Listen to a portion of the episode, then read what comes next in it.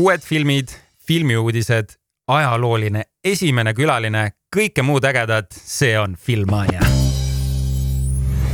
jah, tere tulemast, meie neljas episood.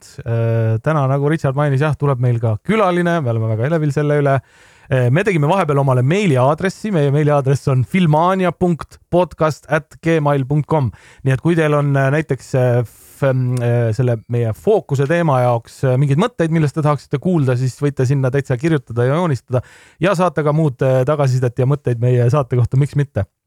ja Richard ja Siim tervitavad selles mõnusas osas, täpselt nii nagu sa ütlesid selle emaili aadressi kohta ja saate lõpus loosime ka esimest korda välja auhinna ja selleks, et seda loosiauhinda võita, esitame ühe küsimuse, paneme filmiteadmised proovile. Ja, ja auhinnaks on siis äh, seekord meil ühe varsti tuleva filmi äh, nänn, millest siis kuulete saate lõpupoole aga mis meid täna ees ootab?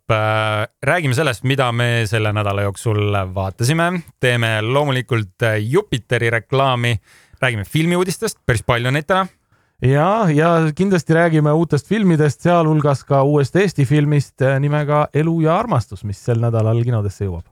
Täpselt nii. Ja enne kui eh, lähme selle juurde, mida me sellel nädalal vaatasime, siis eh, veidike ka meist ja miks me, miks me niisugust saadet teeme mida siit nagu kuuleb, et me ei ole filmikriitikud, me oleme filmifännid ja me naudime igasuguseid filme ja nendest rääkimist. ja Richardi amet äh, on Jupiteri peatoimetaja, äh, mina olen äh, endine filmilevitaja ja eluaegne filmifänn. nii et ma arvan, et keskmiselt käime suhteliselt palju kinos ja vaatame ka kodus filme ja sarju ja selle pinnalt siis peegeldame, mis me arvame. aga Siim, mis sa selle viimase nädala jooksul ise kodus vaatasid? Oh,. ma vaatasin äh, Yippee-ki-yay, ma seda lauset igaks juhuks ei lõpeta siin äh, meie kanalis äh,, aga äh, Die Hard kolm ehk siis äh, äh Visa hing kolm, Die Hard with a Vengeance, nagu see oli, originaal pealkiri oli. ma vaatasin eelmisel aastal äh, jõulude paiku loomulikult ära ka esimese ja teise osa ja nüüd jõudsin kolmandani ja, ja tõdesin, et ma ei tea, kuidas sinul, aga minu jaoks on kolmas selle filmitriloogia lemmik Äh, ma sa tean, et... esimene, kes seda ütleb. ja, ja, ja muuseas panid tähele, ma ütlesin filmi triloogia, sest et ma, nagu okay., nagu ka. oot-oot, neljas on väga hea. ei tea, ei tea, ei tea, ma ei ole, ma olen seda korra kinos vaadanud ja ma mäletan, et mu pettumus oli nii suur, et ma otsustasin, et see on filmi triloogia ja selleks ka nagu jääb. oled sa kindel, et sa segamini ei aja? viies on see täitsa jama. viiendat ma ei ole isegi näinud. okei okay,, seda põhimõtteliselt, noh, seda võib ja, kõik öelda, et ja, pole ja, olemas, aga Live Free or mitte Live Free or Die Hard. jah, ei äh,, ei mäleta. ei, seda ei ole olemas. ei, see oli neljas, see oli, see oli väga hea, sest seal mängis Timothy Olyphant Paalast, Justin Long tegi veel kaasa ja see oli täitsa lahe action film. no ma olen võim-, ma olen nõus sellele võimaluse anda ja kunagi andma ja veel, veel kunagi seda üle vaatama, aga ühesõnaga kolmas osa aasta üheksakümmend viis. Äh, John McTiernan ehk siis esimese filmi režissöör on tagasi peaosas, äh, muidugi Bruce Willis ja teises äh, peaosas, ma isegi ütleks, teises peaosas on Samuel L Jackson siis äh, mehed, kes äh, eelmisel, sellele, e, sellele Die Hard kolmele eelneval aastal olid koos üles astunud sellises pisikeses filmikeses nagu Pulp Fiction ehk siis saanud tõelise nagu ÖRE stardi oma karjäärile sealt edasi ja, ja pahalasena siis Jeremy Irons. Täiesti ägedalt pingeline, humoorikas, seikluslik äh, Äh, väga nutikalt üles ehitatud kõik see Simon Says mäng, mis äh, Jeremy Ironsi tegelane seal läbi viib ja mida ma tohutult nautisin, äh, praktilised efektid. kuidas mm -hmm. ma mhm. iga, selliseid filme vaadates, kus ma igatsen seda aega, kui asju ei tehtud veel arvutiga, vaid tehti päriselt ja see on nii ehe, kuigi seal on ka see, see, see veetunneli stseen on niisugune veits kentsakas nagu ühes, ühes konkreetses sekundis, aga üldiselt ikkagi väga lahe vaadata ja, ja see, kuidas Bruce Willis oma selle äh, äh, põnevus action näitlemisstiiliga nagu pinget üleval hoiab, see on ikka täielik nauding. miks sa kolmandat osa just otsustasid vaadata? Äh, sest ma olin esimesed kaks vaadanud järg, eelmisel aastal ära ja siis tundub mul alati triloogiatega noh, nagu Tagasi tulevikku või, või, või nagu Indiana Jonesi triloogia. Ähm, no sa oled üks nendest. ma olen üks nendest jälle jah, ka see asi on mul ka jah. ühesõnaga triloogiaid vaadates alati tundub nii, et kui sa oled kaks juba ära vaadanud, siis tundub, et kui sa kolmandat ei vaata, siis sa ei vaata nagu lõpuni seda asja ära, et äh, kippus, tõmbas sinna tagasi. Äh, mina võtsin ette sellise filmi nagu Dune, part one, Dune'i esimene osa mida ma olen nüüdseks vist juba mingi viis korda kokku vaadanud, kolm korda kinos, kaks korda wow. kodus. jah, minu arvates see on üks parimaid ulmefilme, mis on üldse kunagi tehtud, jah, läbi aegade Äh, sama asi, nagu sa ütlesid ka ähm, praktilised efektid, niivõrd-kuivõrd neid seal filmis oli, aga neid oli kindlasti keskmisest rohkem, sest Denis Villeneuve äh, on väga sellise hoolika lähenemisega ja seda oli, ta on nendes featurette ides näidanud ka, kui palju valgus ja valguse kasutamine ja see loomulik selline kõrbevalgus, mida seal kasutati, et seal ka minu arust neil ei olnud küll volüümi, aga väga sellised sarnased äh, võtted neil olid ja need ornithopterid ja kõik asjad, need olid kõik praktiliselt oh, neil ehitatud. oh, ja, ja ei, see on väga lahe ja see on huvitav kokkusattumus, ilma et me oleks omavahel seda kooskõlastanud, siis mina käisin Dune'i esimest osa vaatamas kinos. sest äh, nimelt eelmisel nädalal äh, tuli väga piiratud seanssideks Dune'i esimene osa uuesti kinodesse ja ma käisin vaatamas eriti veel lisaks seetõttu, et lubati seal ju peale filmi ka lisaklippi. oli siis või? ja seal tõesti oli terve üks klipp Äh, siis filmist, mis paari nädala, mis kahe, kahe, kahe-kolmane, ma arvan, see oli mingi selline viie-seitsmeminutiline klipp ja okay. täitsa, täitsa nagu ma ei räägi sulle, äh, mis seal oli, näed ise. aga, aga ja väga võimas, äh, võimas elamus ja ma käisin seda tõesti ka IMAX-i ekraanil vaatamas, nii et ma, ma olin seda varem ka kaks korda kinos vaadanud. muuseas, huvitav fakt veel selle filmiga oli ju see, et esimene osa ehk siis esimene pool sellest loost tehti kunagi Covidi algusaegadel valmis ilma kindluseta, et teist osa üldse teha saab. ehk siis äh, Covidi ajal teatavasti inimesed eriti kinos ei käinud või ei saanud käia ja siis oli täiesti lahtine, kas see lugu üldse saab lõpuni jutustatud. aga juba teisipäeval peale selle esimese osa esilinastust äh, läks roheline tuli Warner Brothersi stuudios põlema ja Denis Villeneuve hakkas äh, teise osa kallal tööd tegema ja juba nüüd mõne nädala pärast jõuab meile. ja, ja sa vaatasid ühte filmiklassikat ka ja, ja, ja Tallinnas äh, on, Tallinn on suurepärane paik, äh, sest äh, näiteks ühel õhtul sa võid valida erinevate kinode kavast erinevaid filmiklassikuid. no täiesti noh, mida me veel oskame tahta. vaatasin pühapäeva õhtul sellist filmi nagu The Apartment või Korter tuhande üheksasaja kuuekümnenda aasta Billy Wilderi film kandideeris, issand, ma ei teagi, palju ta kandideeris, aga ta võitis viis Oscarit ja parim film sealhulgas peaosades on Jack Lemmon ja Shirley MacLaine ähm, täiesti suurepärane, ma, ma eriti lainel, sest et nüüd on see, see äh, sõbra, äh, mis ta on siis, sõbrapäeva nädal, Valentini nädal ja, ja see sobis. sõbrapäeva, nii et sõbrapäeva. ja, jah, just, kuule, täna on tõesti head sõbrapäeva, Richard käisin ühesõnaga vaatamas filmi, mis oli jah, ma arvan, et selline romantilise komöödia üks nagu vundamendi poste tõenäoliselt muidugi oli noh, natukene, ma ei saaks öelda, et häiris, aga, aga, aga film, mis on tehtud kuuekümnendal aastal, et seal teatud sellised väiksed nüansid on natuke nagu ajale jalgu jäänud. Ehm, eh, muuseas, kas sa tead, et on olemas selline asi nagu Bechteli test? see on selline test, mis on filmide või, või noh, muu loomingu jaoks loodud, et kas teos vastab kolmele küsimusele kas filmis on kaks naistegelast, esimene. teiseks, kas mhm. need naistegelased räägivad omavahel ja kolmandaks, kas need naistegelased räägivad millestki muust kui meestest. ja vaat apartmentil või, või äh, korteril oli veidi raskusi sellega, äh, sellele testile jah vastamiseks, seal oli küll üks stseen, kus kaks naist rääkisid omavahel supist aga see supp oli seal tänu sellele, et üks mees tegi teisele naisele haiget ja siis ta sõi lohutuseks suppi. nii et ühesõnaga see oli raske, aga muidu täiesti suurepärane film, asi ka, mille ma avastasin alles eh, Covidi aastatel esimest korda elus vaatasin ja, ja läks kohe minu eh, lemmikute, ma arvan, top kolmekümne sekka kindlasti.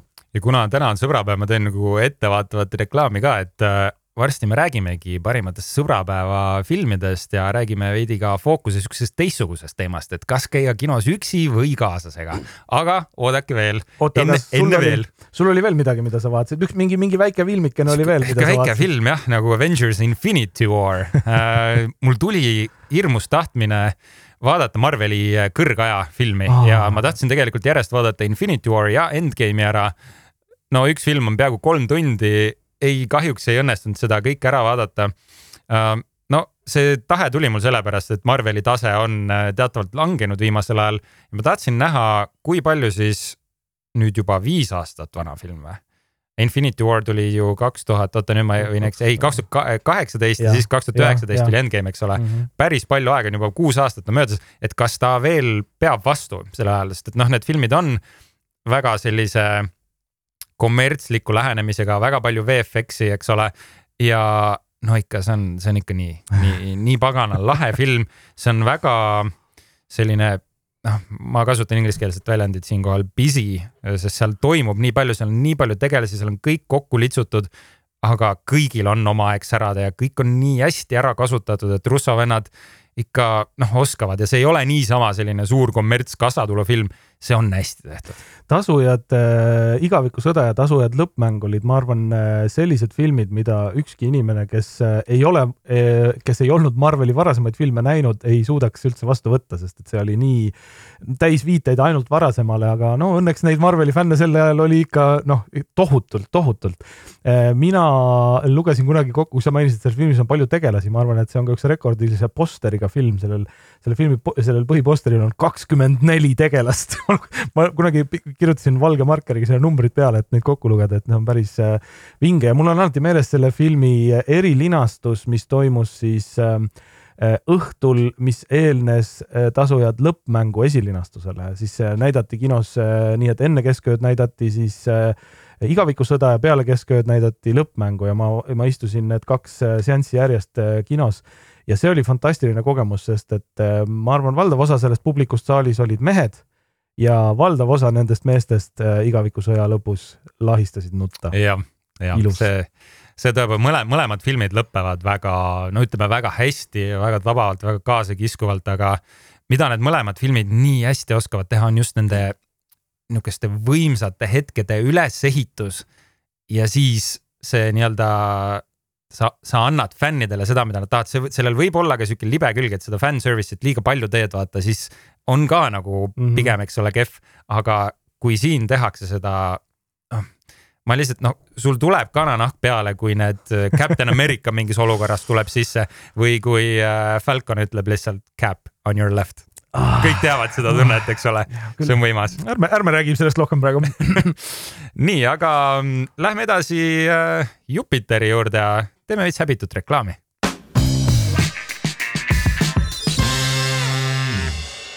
Jupiter on siis koht, kus leiab kõik ägeda ERR-i sisu üles, sealt leiab audiot, sealt leiab videot, kui jäi AK näiteks vaatamata, saad AK-d järgi vaadata. kui on Ringvaade nägemata, vaatad Ringvaadet, saad ka otse-eetrit vaadata. aga kuna seda sisu on nii palju, siis ma olen sihuke sommeljee ja teen siin need parimad valikud ja ma olen kahega piirdunud seekord. alustame ühe lavastusliku sarjaga mis on äh, draamasari nimega Shake Äh, nimi on siis sellepärast, et äh, tegemist on Othello ümberjutustusega läbi noorte draamasarja, äh, kus siis meie peategelased, kolm, kolm peategelast siis mängivadki siis neid samu Shakespeare'i loodud tegelasi, aga peategelane on põhimõtteliselt parkuuri trupi nagu juht, et see on nagu viidud täiesti tänapäeva, et kui sa nagu ei teaks, et see on Othello ümberjutustus või selle ainetel justkui baseerub, siis ega sa aru ei saaks. ja minu arust see on nagu väga hea lähenemine, et sa mõnes mõttes tutvustad noortele Shakespeare'i loomingut, aga sa teed seda nii, et äh, see on väga hästi äh, tajutav ja räägibki siis sellest, kuidas äh, noored ennast otsides ja armumise teel seisavad silmitsi siis erinevate identiteedikriisidega ja kuidas nad õpivad neid talitsema Äh, episoodid on siuksed kahekümneminutilised äh, ei ole liiga palju osasid kokku, nii et äh, soovitan vaadata, Itaalia sari on kusjuures siinkohal ja tead, sujub täitsa mõnusalt, et ähm, ütleks, et suunitlus on pigem sellisel noorel vaatajal. Aga teiseks, üks väga suur sündmus on ikkagi sellel nädalal juhtumas, kui mitte ERR-i üks kõige suurem sündmus üldse, selleks on Eesti Laul. Eesti Laulu finaal on sellel laupäeval otse-eetris, seda saab vaadata ETV-st, ETV2-st, viiplejate tõlkega, aga loomulikult Jupiterist, kus sa saad ise valida, kas sa vaatad siis äh, viipekeeles seda või ilma viipekeelse tõlketa ja ma ütlen, viipekeeles äh, on see väga lahe, sest need viiplejad, kes seal kaasa teevad, nad võtavad nii hingega seda. oota, kas laulu, laulutekstid tehakse ka või? Nad viiplevad laule ka oh., mis on täiesti nagu laulu ümbertõlgendus selle viipekeelega, see on, see on tõsiselt lahe kes tahab juba varem vaadata, mida need viiplejad varem on teinud, siis lööge lihtsalt Jupiteri otsingusse sisse eesti viipekeeles või lihtsalt viipekeeles ja te leiate eelmise aasta omad üles. ja seal on näha, kuidas noh, on tõsiselt ägedad, et Eesti Laulu nagu videod ja muusika on nagu omaette teema, aga see viiplejate teema on no täitsa, täitsa nagu omaette ooper, et see on, see on ülilahe. Kuule ähm,, kuule, aga üritades nüüd Eesti Laulu viia kokku ikkagi paremini ka filmi teemaga, siis no sina, Richard, kui suur James Bondi fänn tä-, mul tuli selline täiesti random küsimus. kui sa peaksid valima Eesti Laulu finalistide seast selle artisti, kes, kellelt me tellime James Bondi uue filmi tunnuslaulu, milline artist osutub valituks hmm.? mul on, mul on ka oma mõte. Hmm, tead, äh, kuna mulle meeldib väga Chris Cornelli You know my name oh., siis ma lähen rohkem sinna roki poole ja ma arvan, et äh, kui seda tüüpi tunnusmuusikat võtta, siis oleks see Olli oh.. sest ta teeks, ma arvan, äh, no ta, mul on, mul kõlab see You know my name, Chris Cornell täiega peas, et päris... tema stiil läheks sellega päris hästi kokku, aga kui ma, kui ma valiks nüüd siukse klassikalisema, ma ei tea, Adele'i või kasvõi Tina Turneri või seda tüüpi mm -hmm. loo, siis ma ilmselt läheks Nele-Liis Vaiksoo peale et tema teeks sellise, no ma arvan, et sihuke tellilik lugu ja, sobiks talle väga hästi. klassik, klassikaline kuuekümnendate, seitsmekümnendate lugu saaks sealt tulla. jaa, aga, aga küsimus sulle nüüd Aa, ei, mina, minul on muidugi see, et mina ei ole jõudnud seda Eesti Laulu eriti pingsalt jälgida üldse, aga mul on kindel äh, lemmik olemas, olenemata sellest, mis lugu neil täpselt on ja see on Everton The Two Dragons. Okay.. ja ma, ma täna töö tegemise taustaks kuulasin nende esimest plaati, mis minu jaoks on täiesti ikooniline ja suurepärane. ja, ja siis ma mõtlesin, et äh, selles vibe'is mingi Bondi lugu äh, oleks täitsa huvitav jah, täpselt nii, nii et Eesti Laul sellel laupäeval kell üheksateist kolmkümmend, vaadake Jupiteri vahendusel. kas lähme filmiuudiste juurde? Lähme.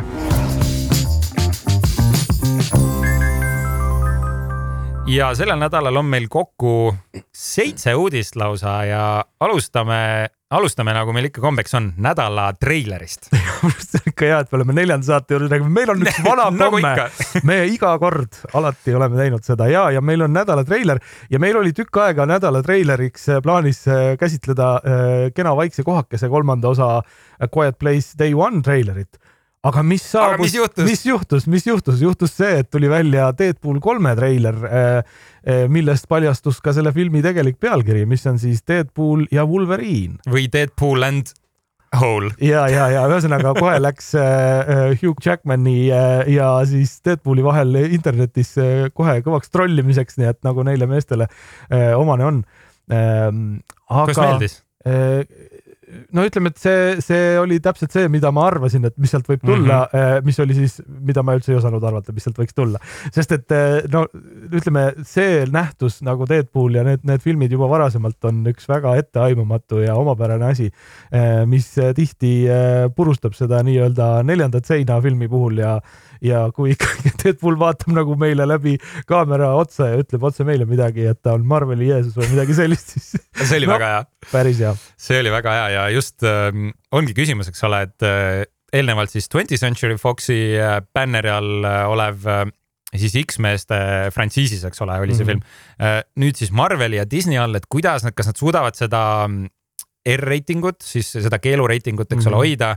kas nad suudavad neid roppusi, neid karme nalju siia sisse tuua ja kõige olulisem, kas nad suudavad Marveli enda üle neid nalju teha, eks ole. praegu see, et I m Marvel Jesus, noh, see on siukene leebe puit. no ja, aga siiski ta ikkagi juba, juba nagu viskab Disney üle nalja ja viskab Marveli üle nalja, et ma arvan, et kui Tayloris see juba julgelt sees on, siis, siis võib siit midagi päris huvitavat tulla. režissööriks on seekord äh, Sean Levi, kes on ähm, siis ähm, Ryaniga koos teinud ka sellised filmid nagu Free Guy ja Adam Project eh, ja mõned rohkem aastaid tagasi siukse ägeda filmi nagu Internship.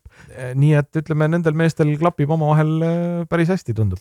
ja treiler ise mulle ka väga meeldis just sellepärast, et ta tekitas päris palju küsimusi mm, -hmm. väga vähe vastuseid, mis ongi treileri ülesanne. suurepärane ja... diiser, diiser, õrriti treiler õrriti. ja õrriti jah. ja, ja mm, mis siit treilerist veel välja luges, eks ole, et me teadsime, et äh, Morena Baccarin, kes siis mängis äh, Ryan Reynoldsi Deadpooli ähm, elukaaslast varasematest filmidest, tema kirjutati siis teises osas äh, no üsna lõplikult filmist välja, eks ole. kuidas nüüd me teadsime, et ta on kuidagi filmist tagasi, kuidas ta on, mis seal toimuma hakkab, kas jälle mingi multiversumi teema?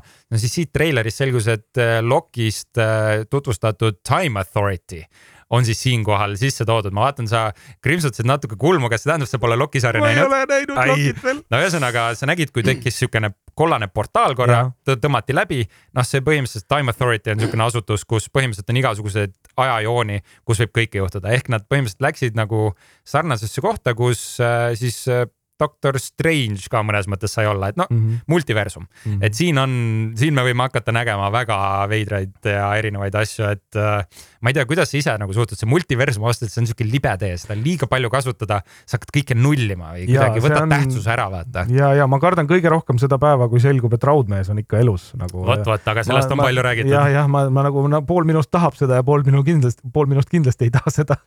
aga kes on endiselt elus, on muidugi Hugh Jackman ja, ja Wolverine. Hugh Jackman, kes on Wolverine'i tegelast mänginud nüüdseks kokku kakskümmend neli aastat.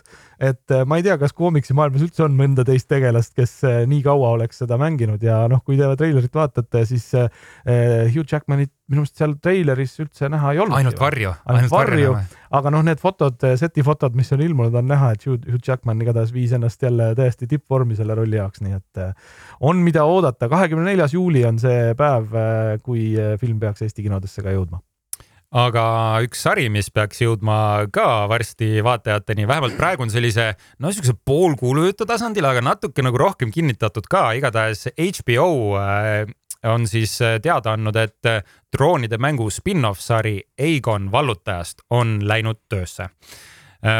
pikalt ei ole siis sellest Jää ja tulelaulu seriaalidest midagi kuulda olnud, George R R Martini loomingul, eks ole, ma eeldan, et kes isegi ei ole näinud seda sarja, siis droonide mäng on teema, millest kõik on kuulnud um,. see sari lõppes suhteliselt äh, sellise kehva kriitikuskooriga, aga nüüd see uus spin-off sari House of the Dragon, mis räägibki siis nendest Targaryenide perekonnast, see on väga hästi lendu tõusnud. ja ma mainisin Egon Vallutajat, see on siis seal äh, Jää ja tulelaulu siis mütoloogias tegelane, kes põhimõtteliselt esimest korda tuli sellesse Westerosi äh, Westerossi ja vallutas kõik need kuus kuningriiki ja koondas need ühe alla. põhimõtteliselt on nagu selles ajaloos kõige kuulsam ja kõige edukam valitseja. No mina lihtsalt praegu vaatan siit äh, raadiomaja aknast välja ja noogutan, sest et äh, mina vaatasin droonide mängu esimese hooaja kunagi seitsekümmend kaks aastat tagasi ära ja sealt mul jäi kuidagi seisma, ma, see oli ülikõva sari, aga mul lihtsalt tuli muud asja peale ja ma jäin sellest rongist ammu maha. Ja kuna tuleb kogu aeg nagu juurde seda asja, siis äh, ma olen kuidagi nagu ühesõnaga, et neid droonide mängu uudiseid võid sa hästi nagu katta väga, minu, minul on hea meel selle üle. no kui see, kui see sari hakkab tulema, siis see on tegelikult isegi kui sa ei ole varasemaid näinud, siis Egon vallutajast on väga hea alustada, sest see põhimõtteliselt näitabki esimest korda, kui okay. see perekond tuli, tuli sinna mandrile Mm -hmm. ja mis on veel teada, et äh, palgatud on äh, stsenarist Mattson Tomlin, kes äh, kirjutab uut Batman kahte, see on siis selle mm, Mhm. James Gunn, tähendab, sorry, see on küll James Gunni äh, siis stuudio, aga see Batman kaks on siis mm, Robert Pattinsoni Just. äh, Batmani järg. ning samuti kirjutas ka sellise filmi nagu Project Power ehk siis ühte, ühelt poolt nagu päris hea projekt, Project Power Netflixi projekt, no Mm. siukene nii ja naa Mm,, aga mm. ütleme nii, et see võib-olla sena osa võis seal isegi see tugevam pool olla ja selle Lohede Koja siis äh, uus hooaeg äh, peaks jõudma vaatajateni sellel suvel, see on siis see House of the Dragon, mis jätkab selle teise hooajaga. samuti on töös ka Hedge Knighti sari selles samas äh, frantsiisis ning samuti Jon Snow sari, mis peaks samuti üks hetk jõudma, ei tea veel täpselt millal, aga see Jon Snow sari peaks siis jätkama seda troonide mängu lõppu ehk siis minema otse edasi. Kõlab nagu Marveli ja Star Warsi maailm, kuhu eh, igasugust, igast külmkapist tehakse ka oma sari. ma pean sulle, see, ma ei tea, kuidas, aga ma pean suruma selle filmiklassiku kodutöösse sulle kuidagi. nagu terve troonide mängusarja või? noh, siis on jah, see on niisugune suvetöö siis ütleme nii. aga eh, mina, suur eh, dubleeritud animafilmide fänn, mind tabas väga mõnus uudis sel nädalal, et Disney hüüdis välja päris mitu oma kuulsa animafilmi eh, järge, mis on kõik tootmises ja nendest üks eh, ootamatumaid tõenäoliselt oli siis Vaiana kaks ehk siis mujal maailmas tuntud ka kui Moana ja mõne osas maailmas kui Vaiana. see erinimi oli seotud siis sellega, et äh, issand, ma olen ära unustanud, millistes riik, kas USA-s või Euroopas, igatahes Eestis on ta Jah. Vaiana, aga kas tead, miks või?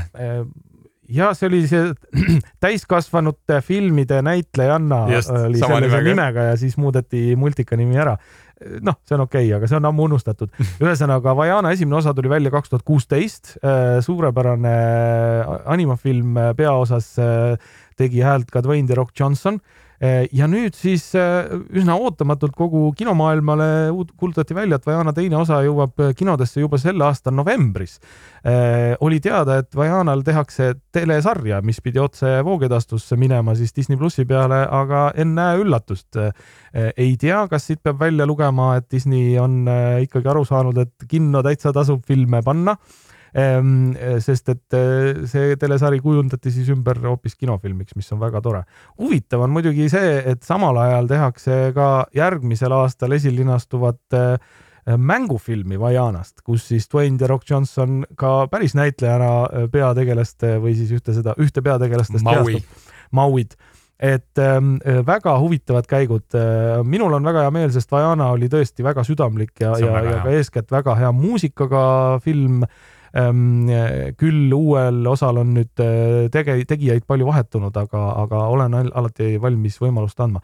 lisaks Vajanale kuulutati välja, et tegemises on veel ka Zootopia kaks, mis peaks järgmise aasta novembris, kaks tuhat kakskümmend viis tulema ja kuskil seal kaks tuhat kakskümmend kuus äh, jõuavad kinodesse veel Lelulugu viis ja Frozen kolm, Frozen ehk äh, lumekuninganna ja igavene talv nii et sellised vahvad uudised äh, anima vallast. Inside Out kaks ka peaks olema Tuleb, tulemas, tuleb. mul on kuidagi see ka meeles, aga ma ütlen, see on väga huvitav, et äh, Vajana kaks anima ja see live action film see tekitab segadust ju. natuke tekitab segadust küll jah. Et natuke, ma saan- natuke tekitab elevust ka. absoluutselt, noh, meiesugused ilmselt lähevad mõlemat vaatama, sest meil on vajadus kõike näha, eks ole, aga ma ei kujuta ette, kuidas nagu tavavaataja suud-, et kas see nüüd mängufilm ei ole ju seotud selle animaga, sest et see mängufilm justkui räägib uuesti selle esimese filmi loo aga ära. ega me ei tea ju seda kindlalt tegelikult, millest ta täpselt aga räägib. veidi ja, segadus. ja aga noh, ma ütleme väga huviga ootan, et kuidas see mängufilm hakkab välja nägema, sest mm. -hmm. Disney on ju oma headest animaklassikutest teinud äh, nii-öelda live action või mängufilme päris hulgi ja, ja need on mm, ütleme olnud erineva, erineva kvaliteediga, aga keegi ei saa selle kohta midagi öelda, et nad on välja näinud äh, suurepärased. Aga neile, kellele ei meeldi animatsioon ja tahavad eh, tõsiseid draamasid ja tõsiseid näitlejaid vaadata, siis mul on hea uudis. Christian Bale on otsustanud, et ajab oma pea kiilaks ja hakkab Frankensteini mängima. täpselt selline uudis on. no nagu tõeline Batman, siis eh, mm, Christian Bale andis intervjuu kus rääkis projektist, kus nad ehitavad kodututele lastele hooldekodusi, kus siis õed-vennad saavad kõik ühe katuse all koos elada. Ja selle intervjuu äh, vältel siis selguski, et äh, tema järgmine projekt on Maggie Gyllenhaali lavastatud Frankensteini film, kus ta hakkabki siis nimitegelast mängima ja andis ka mõista, et äh, tal on taaskord aeg ajada musklid punni ja muuta oma välimust siis no seekord kiilakaks ajamisena, mida ta minu teada, ma ei tea muidugi, kas Thor Love and Thunderis, kas ta mõtlesin ka. päriselt ajas seal kiilakaks või tal oli see nii-öelda kiilakamüts seal eh, sest peas tegelane oli küll täiesti kiilakas seal, aga ütleme, et eh, Christian Bale on ju tuntud kui näitleja, kes oma kehaga igasuguseid eh, vingerpusse teeb ja eriti siis oma kaaluga, et ma kujutan ette, tema läbi aastate tema kaalugraafik on selline suhteliselt sinusoidne ja käinud täiesti, täiesti põhjast kuni ka päris eh, siukse eh, paksu eh, Christian Bale'ini välja. oo ja, ja ta on ju öelnud ka, et see on täitsa taastumatut kahju ta kehale tekitanud ja mees on nüüd viiekümne aastane äh, aga ma ei tea, ma, ma arvan, et see Frankensteini mängimiseks lihtsalt nagu suureks pumpamine, ma loodan, et see ei ole nüüd nii ebatervislik, kui need tema varasemad ettevõtmised.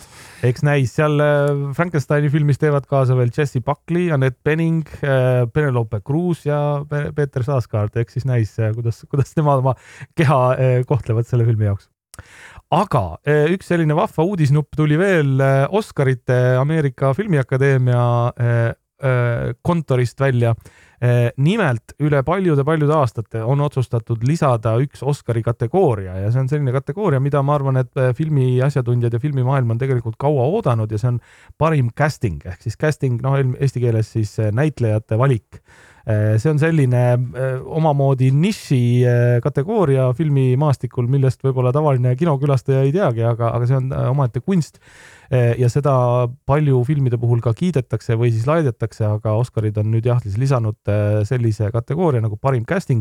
seda auhinda hakatakse andma välja alates kahe tuhande kahekümne kuuendast aastast ehk siis järgmise aasta filmid võivad selle pilguga piidelda Oscarite poole. kas see sarnaneb ma ei mäleta nüüd, mis auhinna gala seda välja andis, Ensemble Cast. ja seda annab näitlejate Aha, välja just. ja see jah, vaata ensemble cast, see tähendab nagu, et parem Nende näitlejate seltskond ja, ja nagu okay. kokkumäng, et mm, -hmm. et see on näitlejate valik, ma arvan, et seal on omajagu spetsiifikat, millele võib-olla mina ja sinagi ei oska alati tähelepanu juhtida ega aru saada sellest, aga, aga ja muidugi sai see tagasiside üsna sooja vastu või sai see uudis üsna sooja tagasiside ja väikse kriitika kohe ka selle kohta, et oot-oot, aga kuhu just. nüüd on ikkagi siis jäänud see kat-, kaskadööride Oskar. et see on noh, lootus, et, et see ka kunagi liid juurde tuleb, kuigi Akadeemia ei ole ole neid uusi kategooriaid just väga tihti välja eh, lisa, lisaks pannud, sest et viimati tuli uus kategooria aastal kaks tuhat kaks, kui siis alustati animafilmidele eh, Oscarite andmisega. Eh, kas sa mäletad, milline animafilm võitis esimese anima, parima animafilmi Oscari? Oh, Rohe, vihjeks roheline, roheline. kaks tuhat kaks ehk siis äh, oota, mis sa näitad mulle, mingi Hulk või? peaaegu, peaaegu. aa, Shrek muidugi, issand jumal, seda oleks pidanud praegu mäletama. vot, nii et jah, aga ma ütlen, et minu ajal on ka selle, selle äh, kaskadööride kategooria vastu suur igatsus, eriti sellisel ajal, kus äh, suured osad, suur osa efekte tehakse arvutiga, nii et siis äh, seda enam peaks päris inimeste tööd esile tõstma. see kaskadööride teema ka, ma natuke olen uurinud selle kohta, et see on ähm, minu arust asi, mida ma väga-väga tahaks näha Oscaritel, aga selle kohta on öeldud ka, et eh, seda on ülikeeruline tuua siis eh, galale, sest kuidas sa hindad seda, selleks sul peavad need eh, akadeemia liikmed olema setil nägema, mida tehakse, kuidas seda tehakse, kui palju sellest filmi jõuab, kus on kaskadöörid, kus on see praktiline mm -hmm. pool mhm. ja kus hakkab VFX ehk siis eriefektid. ja eks see on, vaata, palju on selliseid eh, nii-öelda tehnilisemaid kategooriaid, mida hindavadki selle valdkonna inimesed siis sellest akadeemiast. et kindlasti on kaskadööri töö ka selline, mida võib-olla tavaline kinos küla, kinokülastaja ei oska üldse näha, eks ole, arvavad, et, et ongi nii, et ähm, ma ei tea Ryan Gosling teeb kõik oma äh, trikid seal ise tegelikult on seal siis kõvasti kaskaritöö, kaskadööri tööd ja ma arvan, et spetsialistid suudavad seda no, Tom Cruise. eristada. Tom Cruise no, Tom tuleb ka vähe, kes teeb kõik ise, tema ja. peaks olema esimene kohe, kes elutöö auhind ja, ja. ja väga hea, anname ära mm,. James Cameron on äh, lõpuks äh, natuke avaldanud, äh, kus staadiumis on Avatari kolmas osa ja mina kui suur-suur ja täiesti häbitult suur Avatari fänn olen pikisilmi oodanud ja ta ütles selliselt, et Avatar kolm on äh, oma võttegraafikuga praktiliselt valmis. kõik on filmitud, välja arvatud mõned üksikud stseenid, mis veel suvel lõpuni tehakse, et kuskil kaks-kolm protsenti filmist on veel üles võtta ja siis on järg VFX-i käes, mis on siis, eks ole, postproduktsioon, kus lisatakse kõik need efektid ja no avatari filmide puhul on see, kus see õige töö alles algab. jaa see on tõenäoliselt film, kus ei ole ühtegi stseeni, kus ei oleks äh, mitte ühtegi arvutiga tehtud eriefekti, kuigi teises osas vist äh, oli juttu, et seal oli vist üks stseen, kus äh, nad olid vee sees ja, ja et see, see olevat olnud ainus koht, kus üldse midagi arvutiga tehtud ei olnud. ahah, okei okay., ja kui see need veetstseenid olid tõesti äh, väga ägedad ähm, mida James Cameron veel ütles? ma parandan et..., muidugi terve see film muidugi toimus vee sees, et ärme no, nüüd siis, see oli seal kuskil laeva peal mingi, no ühesõnaga jah okei okay,, see oleks väga huvitav Fun, fun, hea, hea fakt, Siim, mitte midagi sa ei teadnud sellest ise, mida sa praegu rääkisid unusta ära, Rick. nii, aga mida siis James Cameron veel ütles, et äh, filmitud on ka veerand neljandast osast ehk uh. siis äh, ülejärgmisest Avatari filmist ja uus tehnoloogia ning tootmisprotsess on tekitanud olukorra, kus äh, järgmiste filmide vahele ei pea enam jääma nii pikka vahet. Äh, esimene Avatar tuli kaks tuhat üheksa välja avatari teine osa tuli kaks tuhat kakskümmend kaks välja. et äh, see vahe nüüd kindlasti väheneb, nüüd me teamegi, et äh, avatari kolmas osa jõuab kinodesse kahe tuhande kahekümne viienda aasta üheksateistkümnendal detsembril. Ja praegu kontrollisin kinokalendrist, et äh, neljas osa on kaks tuhat kakskümmend kuus ja viies osa on kaks tuhat kakskümmend kaheksa detsembris, nii et äh, aga noh, arvestades, et Cameron on tõesti sisuliselt leiutanud uh, uut tehnoloogiat uh, terve selle filmi saaga tegemisel, siis uh, anname andeks ja lubame tal vabalt veel edasi lükata, kui ta tahab. ja kolmas osa, loomulikult ta pidi selle lausega ütlema, lubab tulla visuaalselt veel parem kui eelmine, sest et esiteks seal on uut tehnoloogiat mängus ning tutvustatakse uut Navide hõimu, kes väidetavalt on tulerahvas. nii, Richard, millised filmi posterid on sinu kontori seinal? avatar kaks avatar üks, okei okay,, tegelikult avatar teise poster on otse minu selja taga. väga hea. ja viimane uudis, millest täna räägime, on režissööride gildi auhinnad, et mina alati jaanuar ja veebruar on sellised kuud, tegelikult juba detsembri lõpust saadik, kus erinevad gildid ja filmikriitikud jagavad auhindu ja, ja kuna see on selline periood, mida nimetatakse nii-öelda Oscari koridoriks, Oscari koridoriks ehk siis periood enne Oscarite kätteandmist, siis kõiki neid teisi auhindu on väga põnev jälgida, sest et need annavad justkui vihjeid selle kohta, kes siis lõpuks Oscaritel äh, kuldmehikestega äh, koju lähevad. Äh, see nädal siis jah, režissööride gild andis välja oma auhinnad, ma ei hakka kõiki neid ette lugema, aga neli peamist ähm, komöödiasari, komöödiasarja režissöör Christopher Storer sarja eest The Bear ja see ikka saab. täiesti suurepärane sari, mul on sarjadega sel aastal nagu õnne olnud, et ma olen juhuslikult vaadanud ära nii The Bear'i kui Successioni, mis on palju auhindu saanud. ja, ja väga ärevust tekitavad sarjad seda ja, ja, ja väga-väga rahutuks teevad. üks sari, mida ma näinud ei ole, on The Last of Us. mul on selline uh. tunne, et ma tahaks enne mängida seda mängu ja jumal teab, millal, millal ma selleni jõuan. draamasarja režissöör Peeter Hoor jõu-, sai siis. kes see, Peeter? Peeter Haar kirjutatakse okay Whore, whore, whore. pidi üle küsima. aitäh, aitäh sellele tähelepanu juhtimast. Eh, ehk siis jah, The Last of Us'i eh, režissöör eh, sai auhinna, muuseas samas kategoorias neliteist ehk siis neli ülejäänud nominenti olid kõik Successioni erinevad episoodid, nii et sai siis The Last of Us'ilt tappa. Debüüt kinofilmi režissöör Celine Song filmi Past Lives eest, täiesti suurepärane valik. Ja Christopher Nolan muidugi jätkuvalt kinnitab oma kindlust Oscaril, Oscaritel edukas olemiseks. parim, parim kinofilmi režissöör Christopher Nolan äh, Oppenheimeri eest. Ähm, Oscarid siis millal? kümnes märts. kümnes märts. kümnes märts. üheteistkümnes ähm, märts tuleb võtta töölt vabaks. ja, ja unine, unine päev. nii ja sellega olemegi lõpule jõudnud äh, selle nädala filmiuudistega. nüüd tuleb äh, maus teema äh, fookuses ja võtame ette sõbrapäeva ja valentinipäeva. Fookuses on meil muidu selline segment, kus me veidi avame, harime, räägime tausta, aga fookuses on ka selline segment, kus me vahepeal võtame täiesti seinast seina teemasid, et kuna täna on sõbrapäev, siis mõtlesime, et teeks no midagi veidi teistsugust, et äh, selle segmendi teises pooles äh, me jagasime ära Siimuga, et äh, üks meist ütleb top viis Semu filmi ehk sõbraga vaatamise filmi. Äh, see läks minu kätte ja Siim räägib siis top viis kohtingu filmi mm. -hmm. Ja, ma isegi lähenesin sellele nii, et esmakohtingu filmid. okei okay,, see, kui see on täitsa, täitsa vahe. oluline nüanss ja. jah, aga enne kui nende listide juurde lähme, siis äh, avame ka veidi sellist teemat, et äh, kas kinos käia pigem üksi või kaaslasega? Selline huvitav teema, ma meenutasin selle peale, et ma ütleme nooremas eas, kooli ajal, ülikooli ajal, äh, ma vist ei käinud kunagi üksinda kinos.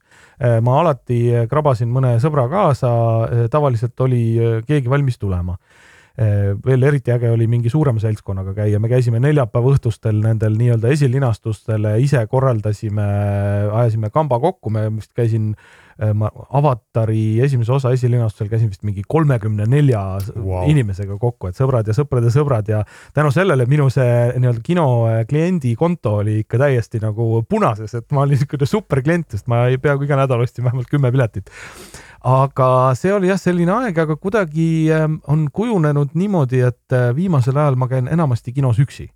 Äh, mulle meeldib olla selles hetkes täiesti nagu oma mõtetega, oma äh, tunnetega, nagu me oleme rääkinud, lasta oma tunded ka valla, eks just, ole, ilma et sul peaks kellegi ees midagi olema häbeneda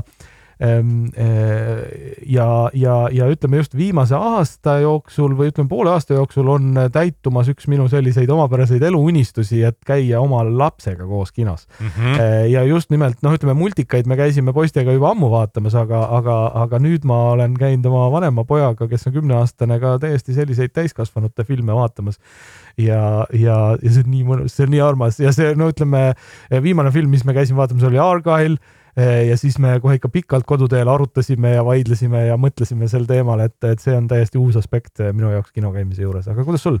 ähm,? vot tead, mõlemal on omad plussid ja miinused ja väga palju oleneb filmist, oleneb tujust, aga miks ma selle teema tahtsin nagu lauale tuua, on just see, et äh, minu arust normaliseeriks üksi kinos käimise mina mäletan ka, sa ütlesid ka kooli ajal, sa käisid enamasti kaaslasega, mina käisin ka palju, vahepeal ka üksi, aga ma tundsin seda pinget või kuidagi sihukest nagu häbitunnet, et kui ma nüüd lähen üksi sinna kinno sisse, siis need teised inimesed näevad, et ma olen üksi. kas ma olen mingi luuser või kes see on, kes käib niimoodi üksi kinos? nüüd olles äh, vanemas eas, ma naudin seda nii palju rohkem, ma ei tunne enam seda sellist äh, häbitunnet, sest miks üldse peaks tundma mm. -hmm. täiesti julgelt lähen sisse, aga üleüldse nagu, vot siin muidugi tuleb ka see vahe sisse, et kas sa käid kinos nagu sotsiaalse ürituse raames, käid vähegi kohtingule ja. või sõpradega või on sinu jaoks film oluline? ja, ja, ja minu ma... jaoks on ikkagi film oluline, isegi kui ma käin kaaslase või sõbraga, siis ma lähen selle filmi pärast jah, see on ju noh, ütleme kinos sa ju rääkida ei saa, eks ole, otsa võid vaadata. saab, aga ei tohiks. silmi pööritada saad või eh, popkorni loopida oma sõbrale, eks ole, aga, aga noh, oluline sotsiaalne aspekt selle juures on tegelikult vist pigem see vestlus, mis sa pärast kinoseanssi pead, eks ole, oma sõpra, sõbra või, või kohtingukaaslasega ja see, see on küll asi jah, millest Äh, ma võib-olla tunnen puudust üksi kinos käies. Äh, samal ajal on mul alati, äh, sa mainisid seda pinget ja mul tuli meelde, et minul on nagu hoopis teistsugune pinge olnud sõpradega käies, et kuna tavaliselt mina olin see, kes valis filmi, siis ja. ma tundsin seda pinget, et aa, äkki, neile, äkki neile ei meeldi ja, see, et mina nagu, mina nagu vastutan natukene selle nende elamuse eest. ja siis mul on tihti veel see, et filmi ajal siis nagu ma niimoodi silmaga jälgi, jälgin oma sõpra ja, ja mul on näiteks ka, oma kaasaga on eriti keeruline filmi vaadata, sest et ta on tohutult kriitiline ja siis mul on ka siuke tunne, tunne, et ma nüüd valisin filmi ja oi, talle ei meeldi. aga vot see on nii, see ongi nii raske tunne, sa tunned ise nagu mingit vastutust, onju, aga see tunne, kui sa oled kaaslasega kinos ja sa näed, et ta naudib ja, ja, ja, si ja vot siis on see mm, nagu ja. limpsid sõrmi, et kui mõnus tunne, justkui oleks ise teinud selle filmi, aga sa ei ole ja, ja see jagamise rõõm, just see jagatud ja. rõõm et äh, sa saad mingi ülipositiivse laengu filmist koos oma kaaslasega, no sellele on ka raske vastu panna on, midagi. ma käisin kunagi oma lähedaste sõpradega vaatamas äh, kinos sellist filmi nagu Constant Gardener, kas sa mäletad sellist filmi? nimi on tuttav, aga äh, filmi ennast ei mäleta. hästi-hästi äh, Ray Fiennes on peaosas. just, just, okei okay.. Mm -hmm. hästi südamlik ja päris sellise nukra lõpuga film ja ma mäletan sellest filmi korrast, kinokorrast seda, et ma, ma lihtsalt lahistasin nutta pärast seda filmi ja me tulime kinost välja välja ja ma ei saanud pidama, nagu ma kogu aeg mõtlesin, ketrasin seda. Ja siis mu sõbrad hoidsid must ümber kinni niimoodi ja lohutasid mind ja vot see oli jälle tore, et mul sel hetkel need sõbrad seal olid, sest et äh, võib-olla muidu oleks ise kuskil bussipeatuses istunud ja, ja, ja nuuksunud. Aga jah, kui sa nüüd peaksid valima selle ühe, et äh, kas käid üksi või kaaslasega, mille, mille siis valid? ma valiks üksi jah Oh, ma arvan okay., et praegu, praeguses eluetapis ma valiksin üksi, äh, kui, äh, kui kahekesi, siis äh, mõningate aastate pärast, kui ma saaks kõiki filme käia kahekesi vaatamas oma poistega, vot siis, siis võtaks kolmekesi ja hakkaks selle kambaga käia. eriti hea oleks muidugi, kui kaasa ka tuleks, et siis paneks terve perega nii, aga ma arvan, et lähme nüüd nende top viis filmide juurde ja miks, miks me niimoodi kaheks aja, nagu ja, jaotasime selle, on just see, et noh, kokku tahaks nagu niisuguse top kümne panna mm, -hmm. aga ongi, eks ole, sõbrapäev Eestis on justkui nagu nimeliselt sõbrapäev, et see on siis nagu noh, nagu sõb sõbrale, onju, mitte su kaaslasele. kuigi minu meelest see sõbra aspekt seal kipub nagu kuidagi varju jääma. see jääb ikka valentinipäev, eks ole. Need südamed ja need Just. roosid ikka lendavad ja lehvivad rohkem, aga me jah, mõtlesime, et me oleme, paneme, paneme vana kooli ja teeme eh, nii Semu filme kuigi, kui siis ka Kohtingu filme vaatame mina panin oma kohtingufilmid, ma üsna niimoodi puusalt võtsin neid, ma peaks ütlema, selle järgi, et mis mul esimesena pähe tuli, mul tuli umbes kümme filmi ja siis ma valisin lõpuks nendest viis. panin need viis paberile ja siis avastasin, et need kõik on komöödiad, nagu romantilised komöödiad. no aga. ja siis me arutasime, et noh, et, et, et võiks põhimõtteliselt ju võiks ka kohtingule minna õudukat vaatama, et, et võiks. saaks käest hoida ja niimoodi ja lohutada ja, ja, ja, ja see aspekt, aga mina ei ole see mees nagu ma, ma ei kujuta ette, et ma läheks õudukat vaatama, sest et et komöödia aspekt just see, et sa nagu oma kaaslasega huumorimeelt saad nagu kombata komöödiafilmi vaatamisel, et see on ju, ütleme, suhte juures üks päris oluline aspekt, et kas see klapib või ei klapi ehm, ma siis tulistan oma viis esmakohtingu filmi ära. tähendab, esimene film, mille ma kirja panin, Notting Hill. Roger Mitchell, tuhat üheksasada üheksakümmend üheksa Eh, no täielik klassika on ju. Eh, modernne Briti romcom, Richard Curtise stsenaarium, kes on täielik romantilise komöödia nii-öelda vanameister või legend juba tänaseks ja peaosades siis muidugi Hugh Grant ja, ja Julia Roberts ja ma ütleks, et kolmandas peaosas on London. see, kuidas seda linna seal filmis on näidatud, on väga nunnu siis teine film, mis mul tuli kohe eh, selle järel eh, teisena pähe, oli When Harry Met Sally ehk siis kui Harry kohtas Sally'ga veits vanem. siiani hea tuhat üheksasada kaheksakümmend üheksa, siiani täiesti hea, ma, ma, ma isegi võib-olla ütlen, et, et minu arvates see on kõigi aegade parim romantiline komöödia. nõus et ma olen seda vaadanud ka varasest noorusest saadik ikka korduvalt-korduvalt ja, ja Meg Ryan ja Billy Crystal peaosades ja ikkagi täielik sellise positiivse vibe'iga filmide geenius, Rob Reiner on režissöör, tema, ta, ta tunneb seda, ta on teinud This is Spinal Tap kaheksakümne neljandal aastal, Stand by me, päris selline kõhe, kõhedust tekitav huvitav film, A Few Good Men ja, ja nii edasi. nii et selline, selline film, siis mõtlesin, et siin listis peaks olema ka üks Eesti film mitte ühtegi muud Eesti filmi ei saa siin olla kui Keskea rõõmud. Ehm, kaheksakümne seitsmenda aasta eh, Eesti romantilise komöödia klassika Lembit Sulfsak oli režissöör, ise ka ühes peaosas. Eh, täiesti Eesti näitlejate noh, koorekiht, ma ütleks sellel, no läbi aegade. kas kas see on, Tõnu Kark, kas see on see film, kus nad, Tõnu Kark sõidab oma naisega lennujaamast mööda parasjagu ja naine ütleb, küll oleks tore kuskile reisile minna ja siis Tõnu Kark tõmbab pidurit plokki, jättes lennujaama kõrvale seisma. mine siis kas oli selline või? kas, kas see oli, oli see film või? mul tuleb, ma olen seda stseeni näinud, aga mul praegu üldse ei tule, et kas, kas see seal filmis oli. ah,, okei okay,, võib-olla ma ajan segamini praegu. guugeldame pärast, guugeldame igatahes, äh, no minu jaoks ma ütlen üldse, et äh, vist, vist üks Eesti, äh, Eesti filmidest üks lemmikumaid üldse, Tõnu Kark, Maria Glenskaja, Kaia Mihkelson, Ülle Kaljuste Lembi Tulsak ise muidugi ja, ja noor Arvo Kukumägi ja, ja noor Hendrik Toompere juunior kõik, nii et äh, täiesti suurepärane Äh, ja helge ja lahe, selline nostalgiline vaatamine ka nõukaaegsetele inimestele ja noorematele siis omamoodi selline ajaloo peatükk. aga nüüd äh, viimaseks kaheks äh, kaks veidi uuemat filmi. esimene on kahe tuhande kahekümnenda aasta siis koroona aja suurepärane film Palm Springs. oled sa näinud? Ja, ja see on nii paganama hea. no on ju, see on üks nendest nii-öelda time loop'i filmideks ehk eh, filmidest ehk siis, kus tegelased jäävad justkui mingisse ajaringi kinni. selles filmis on nad kinni jäänud ühte pulmapäeva. päris hea ju, pulmas äh,. ei ole halb ja Andy Samberg on juba ma ei tea, keegi kuskil tegi mingit statistikat või ole, oletas, et, et kui palju aastaid ta juba selles ühes pulmas kinni oli selleks ajaks, kui Kristiin äh, Milioti tegelane ka temaga ühines ähm,. täiesti äh, omapärase huumoriga äh, üsna julge, kohati ka päris nagu sürreaalne komöödia, äh, hästi ilus. Äh, J.K. Simmons. just, just tema roll, täiesti ootamatult, täiesti vasakult tuleb J.K. Simmons sinna sisse oma vibuga. oli, ei, jah. ja oli, oli jah, jah. ja viiendaks selline film nagu Rye Lane see on selline film, mida tõenäoliselt üheksakümmend üheksa protsenti inimesi ei ole üldse kuulnud ega näinud ega ei tea sellest mitte midagi. soovitan üles otsida Rye, kirjutatakse R-Y-E ja Lane L-A-N-E, Rye Lane. Ehm, eelmise aasta ehm, Briti film mm, ma ütleks, et niisuguseid tõeliselt häid ja omanäolisi romantilisi komöödiaid viimastel aastatel just mitte liialt tihti ei näe, aga minu jaoks siis täiesti ootamatult tuli Rye Lane ja lahe ja, ja värske. täiesti, täiesti värske, täiesti omanäoline jälle noh, ütleme, sai tõesti nukralt vähe publiku ja, ja, ja minu meelest ka nagu auhindadel oleks võinud täiesti esindatud olla, et, et, et selline heade näitlejate tööga ja väga-väga omanäoliselt lavastatud ja ka operaatori töö on hästi huvitav, värviline. Ja see jälle, kuidas London, Lõuna-London on seal portreteeritud, on imeline. Nii et kindlasti soovitan voogedastusest üles otsida Ray Lane'i Need olid siis eh, esmakohtingu või just, ka korduvkohtingu ei, vaadata. korduvkohtingu ja. vaadata ja mina vaatasin seda Rai Lane'i just oma kaasaga koos eelmine aasta ja me tõesti, me nautisime mõlemad täiel rinnal. see on äge film ja.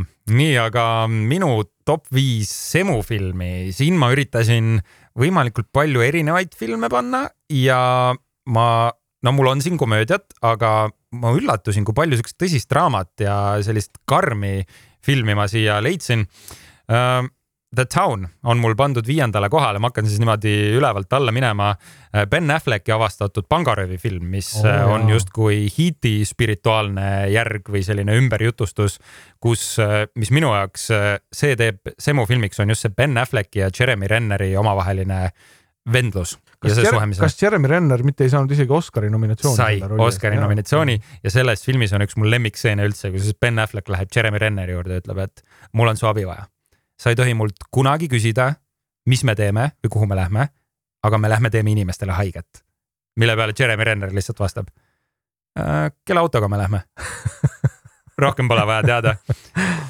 külm linn, The Town, super äh,. neljandale kohale panin Seth MacFarlane'i Teddy filmi ja ma ei suutnud ära otsustada, kas esimene või teine ilmselt peaks panema ikkagi esimese mm., kuna sellega algust teha, kusjuures ma ütlen, mulle teine ka väga-väga meeldis mm,. see on nüüd selline mõnus, loll, lihtne komöödia, kus siis Mark Wahlberg mängib äh, animeeritud karumõmmi kõrval, äh, keda siis äh, hääl näitleb Seth MacFarlane ise.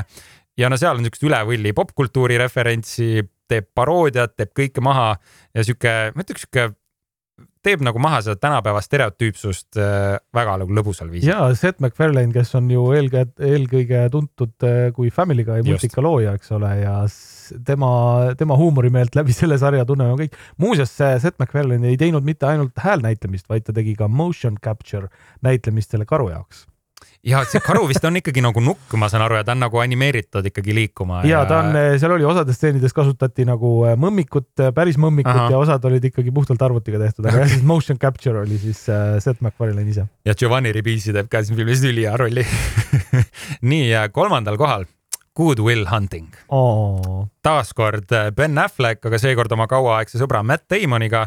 Ja jällegi näitab äh, sõprade punti, kes kasvab üles siis raskes Bostoni linnaosas ja selle nagu filmi point on just see, et kui Matt Damon mängib siis seda geeniust ja üritab sellest äh, raskest elust nagu välja saada, kuidas siis Ben Affleck, kes on ta parim sõber, no et tema nagu eesmärk ei ole teda tagasi hoida, vaid igal eesmärgil toetada, et ta jõuaks sinna välja ühelt poolt see, teiselt poolt Robin Williams. Robin Williamsi minu arust parim roll, parimad dialoogid, vestlused, ma vaatan siiamaani Robin Williamsi neid äh, monolooge, kus ta oma naisest näiteks räägib. ülimalt ilus, ülimalt hea film. meil on, äh, me oleme viimased kaks saadet rääkinud Robin Williamsi filmidest aeg, me peaks eraldi kategooria või eraldi rubriigi tegema tema, tema filmide kohta. sobib. Äh, teisel kohal Tropic Thunder oh. see on nüüd äh, märulikomöödiate tippude tipp, võtab äh, nii palju julgeid otsuseid vastu ja saab selle kõigega hakkama. näitab, et igal teemal saab nalja teha, isegi kui see on meeletult äh, poliitiliselt mittekorrektne ja no selles filmis teevad kaasa hunnik staare, kaasa arvatud Tom Cruise, kes mängib paksu kiilakat stuudio, stuudiojuhti, kes äh, ropendab nagu üks korralik korsten. ja huvitav on mõelda, kas sellist filmi nagu Tropic Thunder, mis tehti kaks tuhat kaheksa, et kas sellist tänapäeval veel keegi laseks läbi no,? keegi ei julgeks, ma arvan, teha ma arvan ka mitte. et see on nagu ideaalsel ajal ideaalne oh, film. Never go full retard nii ja esimene koht on äh, ka mitte komöödia, selline vähetuntud film võib-olla mõne jaoks nagu Warrior. Äh, tegemist kahe tuhande üheteistkümnenda aasta MMA teemalise filmiga, kus peaosas Tom Hardy ja Joe Ledgerton ja mängivad vendasi, kes põhimõtteliselt satuvad ühele MMA turniirile kokku, põhimõtteliselt vennad, kes on nagu lahku kasvanud.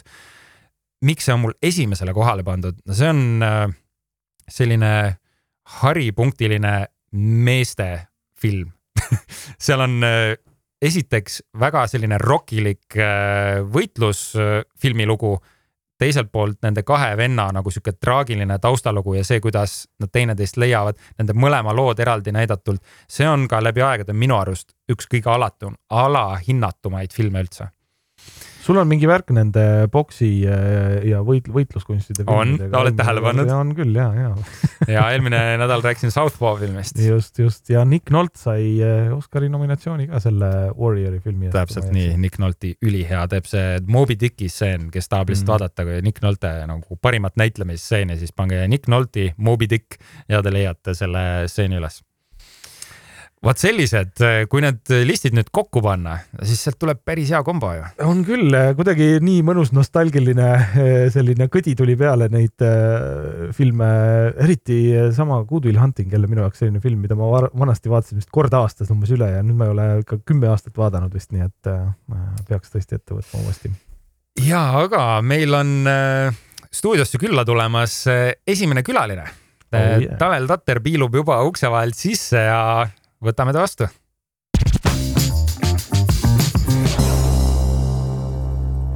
meil on seekord äh, siis eriti hea meel, et meie Filmaania ajaloo esimene külaline on meil täna, kellega me saame lobiseda. see mees on uue Eesti filmi Elu ja armastus produtsent, ta on teinud äh, produtsendina ka siuksed filmid nagu Vanamehe film, Talve, Suvitajad, Melchiori triloogia ta on muuseas ka Kroonika aasta seksikaim mees kaks tuhat kuus.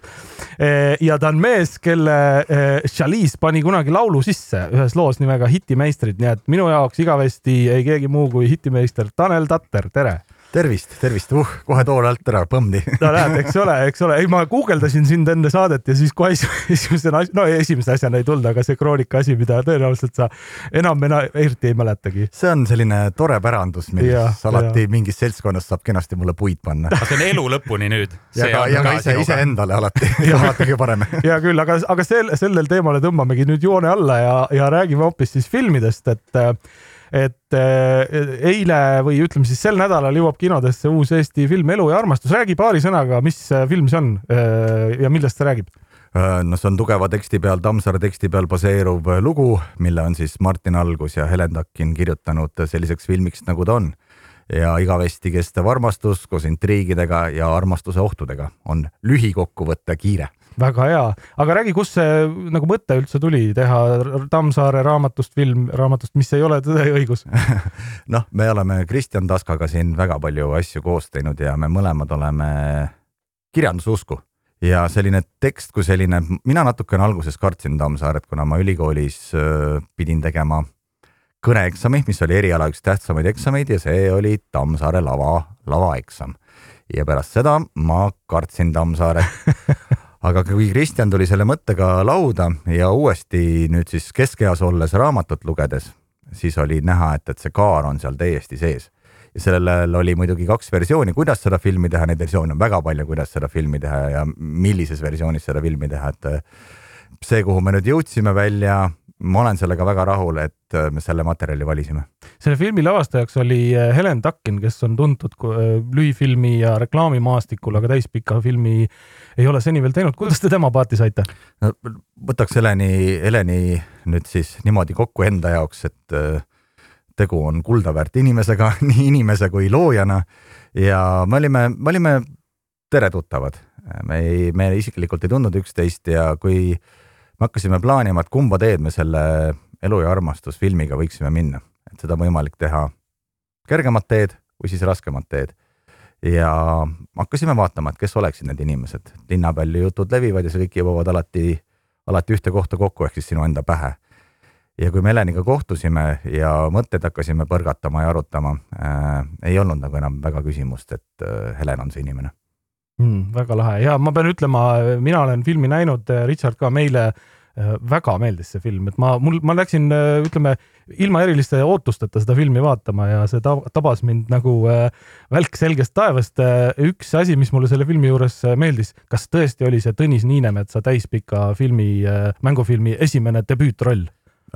Tõnis Niinemetsa süütus kuulub vist meile ta mängis filmis Mehed Karmen Kassi ah, ja, ja, ja kus, kuskilt see oli mul ka meelde jäänud, aga ma vaatasin jah, et selline nagu päris roll oli nüüd ja noh, muidugi ta ka üks üsna ikkagi vilk, vilksas läbi sealt, aga, aga jah, tema äh, nutmine Eesti filmi ja teleauhindadel on vilja kandnud. ja noh, ta tegu on väga andeka näitlejaga, kes on teda teatrilavadel näinud, et see potentsiaal on väga kasutamata, et ma nüüd, ma loodan, et keegi nüüd järgmise filmiga seda ära, ära ei napsa, et siin anda talle korralik täiesti veest välja out of the blue väljakutsuv roll, ma arvan, et see mees teeb äh, meile kõigile silmad ette.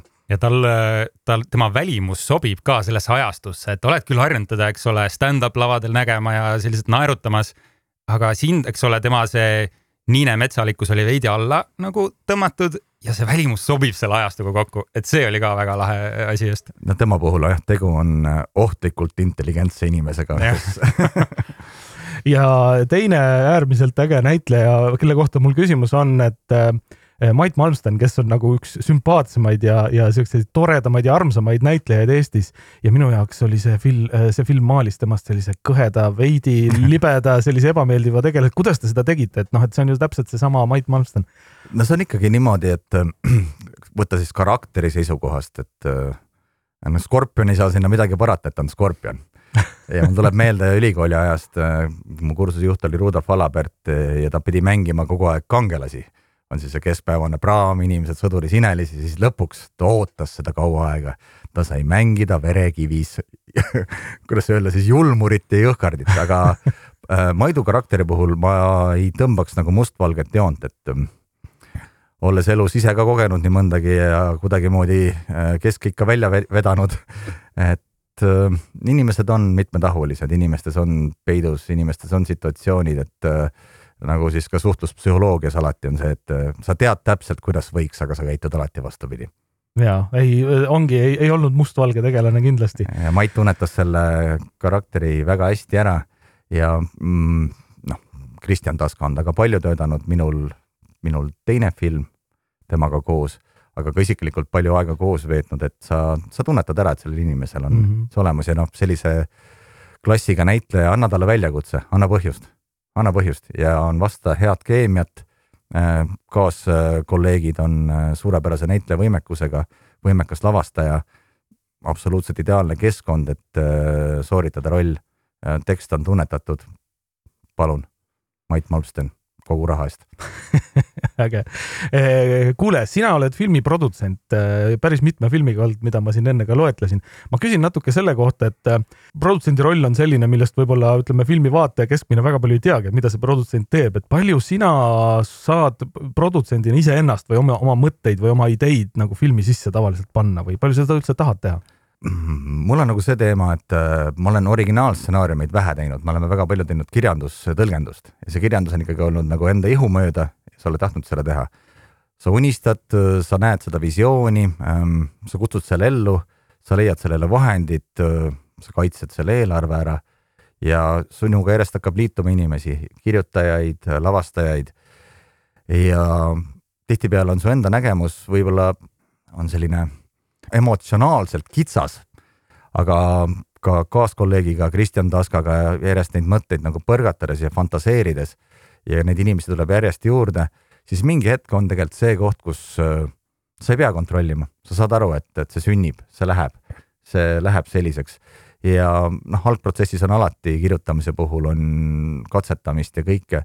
et äh, selline tuim produtsendipoolne kontroll ei ole see tehnika, mida mina viljelen et kui ma näen, et see unistus laieneb, see muutub huvitavamaks, äh, võib-olla oled ise üle mõelnud, et kuskilt on võimalik lihtsamini teha, siis äh, mõttekas on suu kinni hoida aga üks äh, teema, kus äh, tõenäoliselt produtsent alati suud kinni ei hoia, on eelarve, mida sa ka mainisid, et mm, -hmm.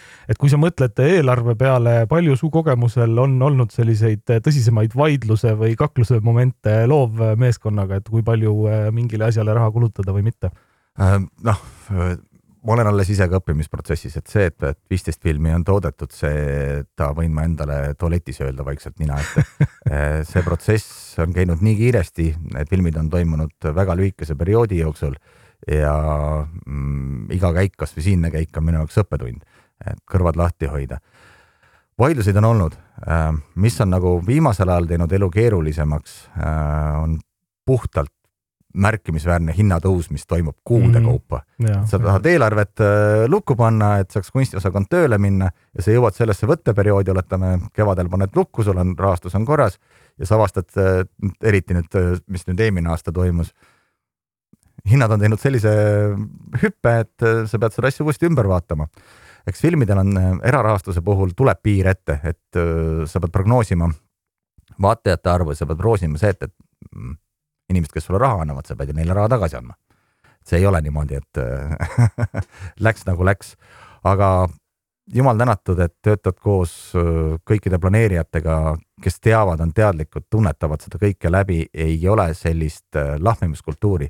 mõisakois kunagi ei lohise.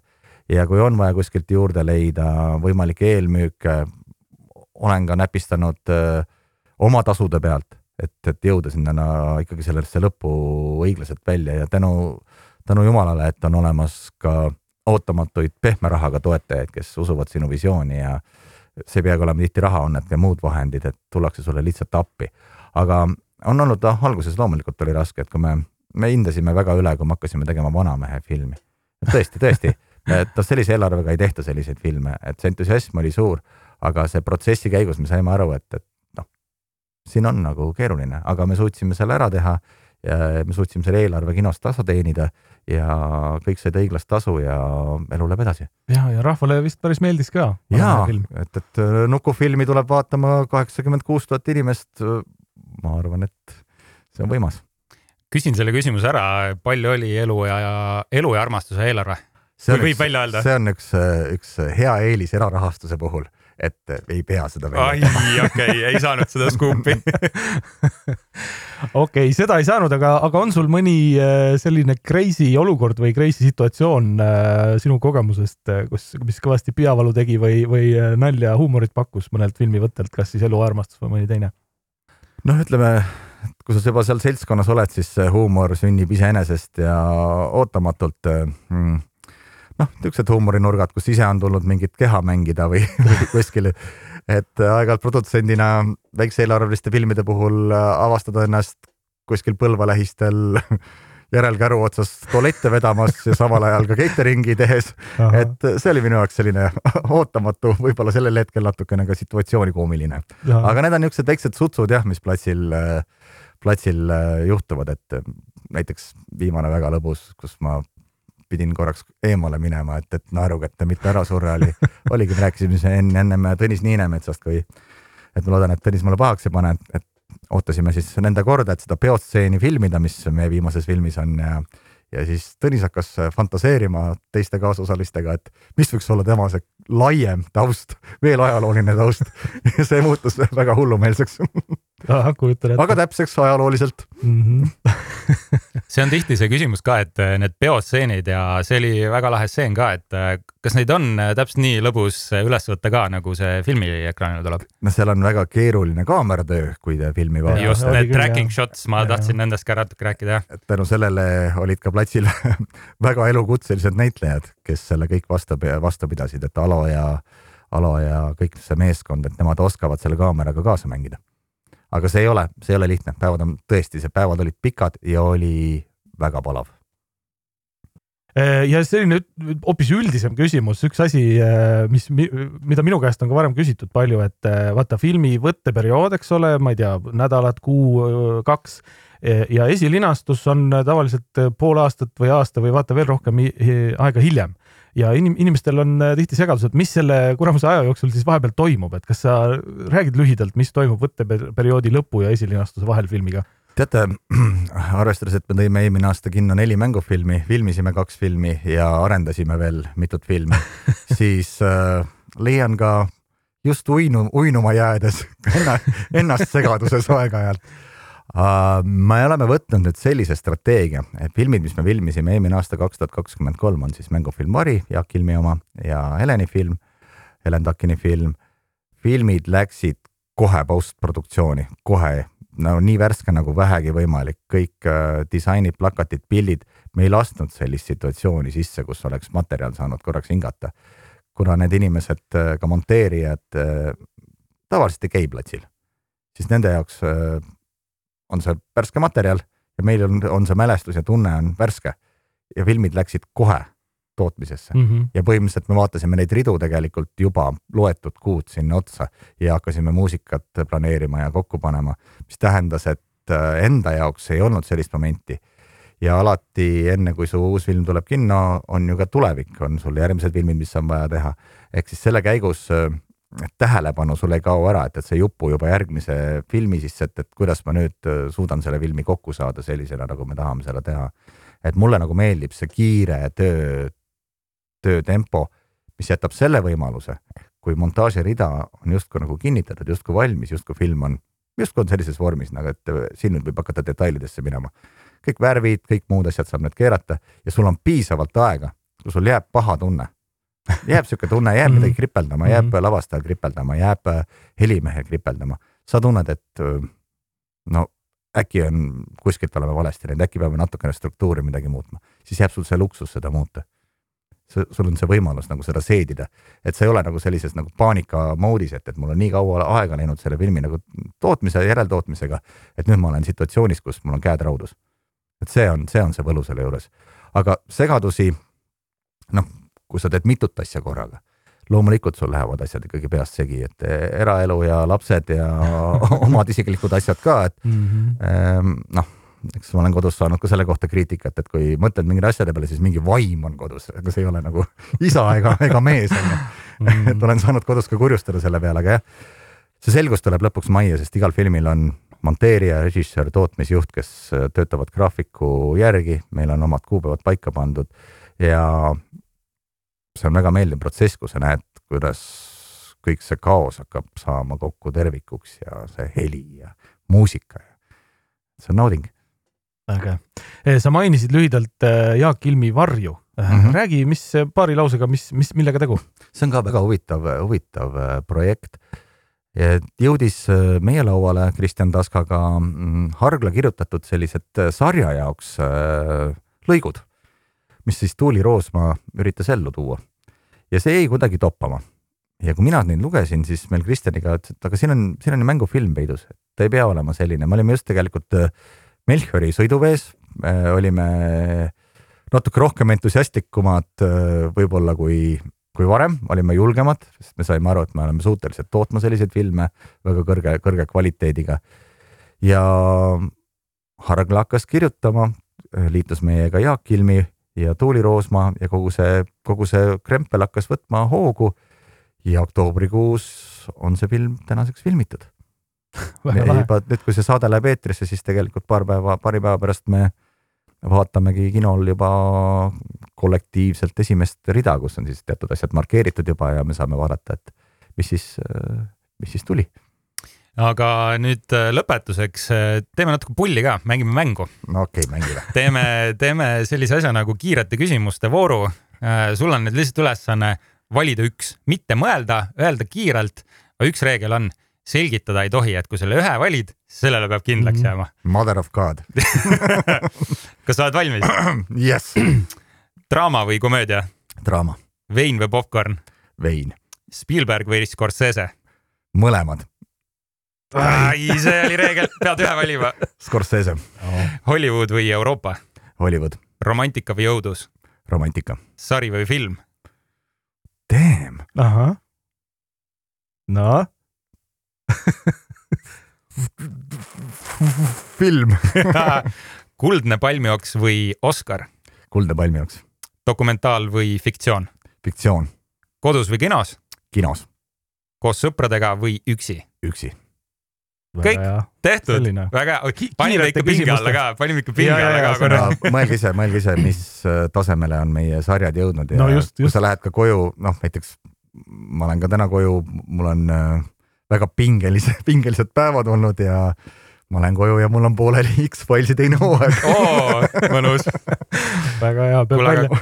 aga, aga suur töö on tehtud, palju õnne Aitäh. filmi puhul. see, ma usun, et see lendab äh, vingelt, sest ta tõeliselt väärib seda. ja no. elu ja armastus tundub juba esimestest reaktsioonidest, et kriitikutele meeldib, nii et ma soovin ka edu ja, ja äh, pikki, pikka pidamist filmile kinokavades. aitäh teile. aitäh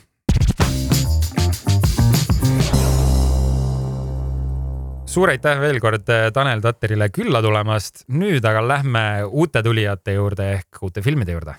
Äh, uutele tulijatele me lisaks äh, sisukirjeldustele ja oma arvamustele anname ka hinded. Ja me anname need hinded viie palli süsteemis, me otsustasime Äh, on ka paljud, kes annavad kümnega, mina olen harjunud ka kümne palli süsteemi kasutama, aga mõtlesime, et siin tõmbame, tõmbame poole võrra kokku ja teeme viie palli süsteemis ja minu jaoks on äh, puhtalt emotsiooni pealt on mitmed filmid, mille kohta ma ütleks, et see on geniaalselt tehtud, aga see ei ole päris minu maitsele, et ma annaks äh, objektiivselt viis viiest, aga subjektiivselt võib-olla näiteks kolm viiest, et puhtalt tunde pealt ja mina võtan küll nii, et film, millele ma annan kolm või enam, on põhimõtteliselt soovitus ja, ja. film, millele ma annan kaks või vähem noh, võib-olla nii soovitus ei ole. ja, ja no viiest viis on perfektne film eks ole. Neid on harva, neid on ja. harva. aga selle, selle viie pallisüsteemi me teeme ka natuke ümber, et äh, viie punkti asemel me vaatame parasjagu, mis selles filmis on mingisugune läbiv objekt või asi. nii et äh, teeme siukest, äh, noh, siukest nalja ja näiteks esimene film, millest me hakkame rääkima, on siis uus Eesti film Elu ja armastus. sellele filmile võib anda hindeid näiteks kaanides. ja et teetassides kärbestes süda, südametes. no ühesõnaga vaatame lõpus, kuhu me välja jõuame, aga jah, räägime siis äh, elust ja armastusest ehk siis äh, film, mille produtsendiks ongi meie tänane saatekülaline Tanel Tatter ka äh, või siis üks produtsentidest. režissöör on Helen Takkin, kes on nagu mainitud äge, äge nii-öelda uus tegija, režissööri täispika mängufilmi maast-, maastikul, kes on teinud reklaame ja lühifilme ja väga hinnatud ja, ja ka auhinnatud selles valdkonnas. Filmis peaosades Karolin Jürise ja Mait Malmsten, kõrvalosades väga võtmetähtsusega ka Loviise Kapper ja Ursel Tilk ja stsenaristid on siis Helen Tak-, Helen Takin ise ja Martin Algus kui nüüd rääkida selle filmi sisust lühidalt, siis kes on lugenud Tammsaare raamatut sama nimega, oskab juba teada, mis selle filmi sisuks on. aga kui ei ole? Aga kui ei ole, siis tuhande üheksasaja kolmekümne kolmandal, kolmekümne neljandal aastal toimub selle filmi tegevus. Ehm, kuumal suvel tuleb siis maalt linna elama üks sisukamast ja lahedamast elust unistav noor Irma tuleb oma sugulase Lonni juurde elama ehm, ja temale muuseas järgneb ka sealtsamast maakülast siis eh, tema Irmasse armunud maapoiss Eedi ja tahab teda ikkagi maale tagasi viia ja oma isatallu perenaiseks kutsuda.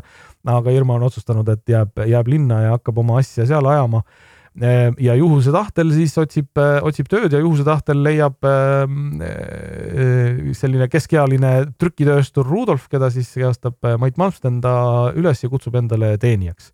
ja Rudolf oma sellise Mait Malmsteiniliku sarmi ja salapäraga siis kohe nii-öelda äh, köidab äh, või võrgutab Irma ära ja, ja, ja need ootamatult tärganud tunded siis ähm, äh, viivadki selle filmi edasi. ma arvan, et siit rohkem ei peakski Just, rääkima. väga hästi ähm,. mul, ma, ma läksin seda filmi ausalt vaatama ilma igasuguse eriliste ootusteta, ma, ma ei osanud nagu noh, ütleme, kui on Mait Malmsten on, on näitleja, siis sa tead, et noh, et see on, see on, see on kõva kraam aga, aga paljud, kaasa arvatud näiteks Karolin Jüris on minu jaoks täiesti uued, uued näod, uued tegijad, ähm, Helen Takin äh, nende hulgas.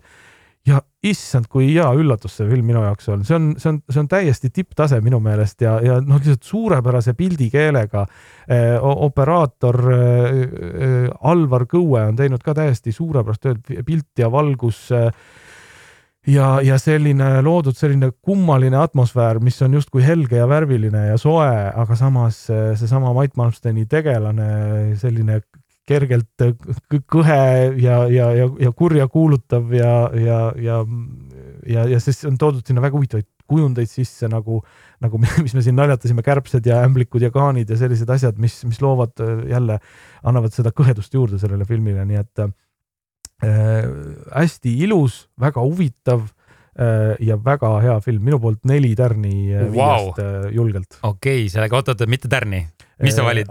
neli. no paneme neli südant südant, ei tulnud kaani ikka, no ikkagi sõbrapäev, eks ole, valentinipäev tuleb just. neli südant viiest. Ähm, ja Mait Malmsteni tegelane, eks ole, tema tekitas kohe pärast filmi vaatamist ka kõige rohkem niisugust äh, diskussiooni äh, minu ja mu elukaaslase vahel, et äh, ühtepidi jaa, selline vastik tegelane, kes kasutab ära võib-olla, teistpidi ta on mitmetahuline, ta on ka inimene ja sa kuidagi laveerid seal vahel kuni lõpuni välja, ei oska täpselt võib-olla öelda, mis selle karakteri nagu siis kavatsused on. ja, ja vaata et... nagu Tanel rääkis ka intervjuus, eks ole, et ta ei ole mustvalge, ta ja, ja ta ja ta ei saa endast isegi aru täpselt, eks ole. aga mis oli väga hea, oli minu arust äh, operaatori töö, seal olid need tracking shot'id, kuidas kaamera läheb ühest stseenist teise, see film algab sellise võimsa rongijaama stseeniga, siis läheb sinna trükikotta. mulle tundus juba vau, et ma vaatan täitsa nagu Hollywoodi ja, ja, tasemel ja. produktsiooni. ma, ma mõtlesin täpselt sama, et ma ei ole vist Eesti filmis selliseid nii julgeid ja, ja nii dünaamilisi asju üldse varem näinud. ja see ja see on ka üllatav, eks ole, sest et see film ise on pigem selline raske suhtedraama, et siin oli seda sihukest vaatemängu sisse toodud, mis mulle väga meeldis. kohe filmi alguses mul oli nagu veits karp lahti, ma olin nagu vaatasin ümberringi, kas tõesti Eesti film selline.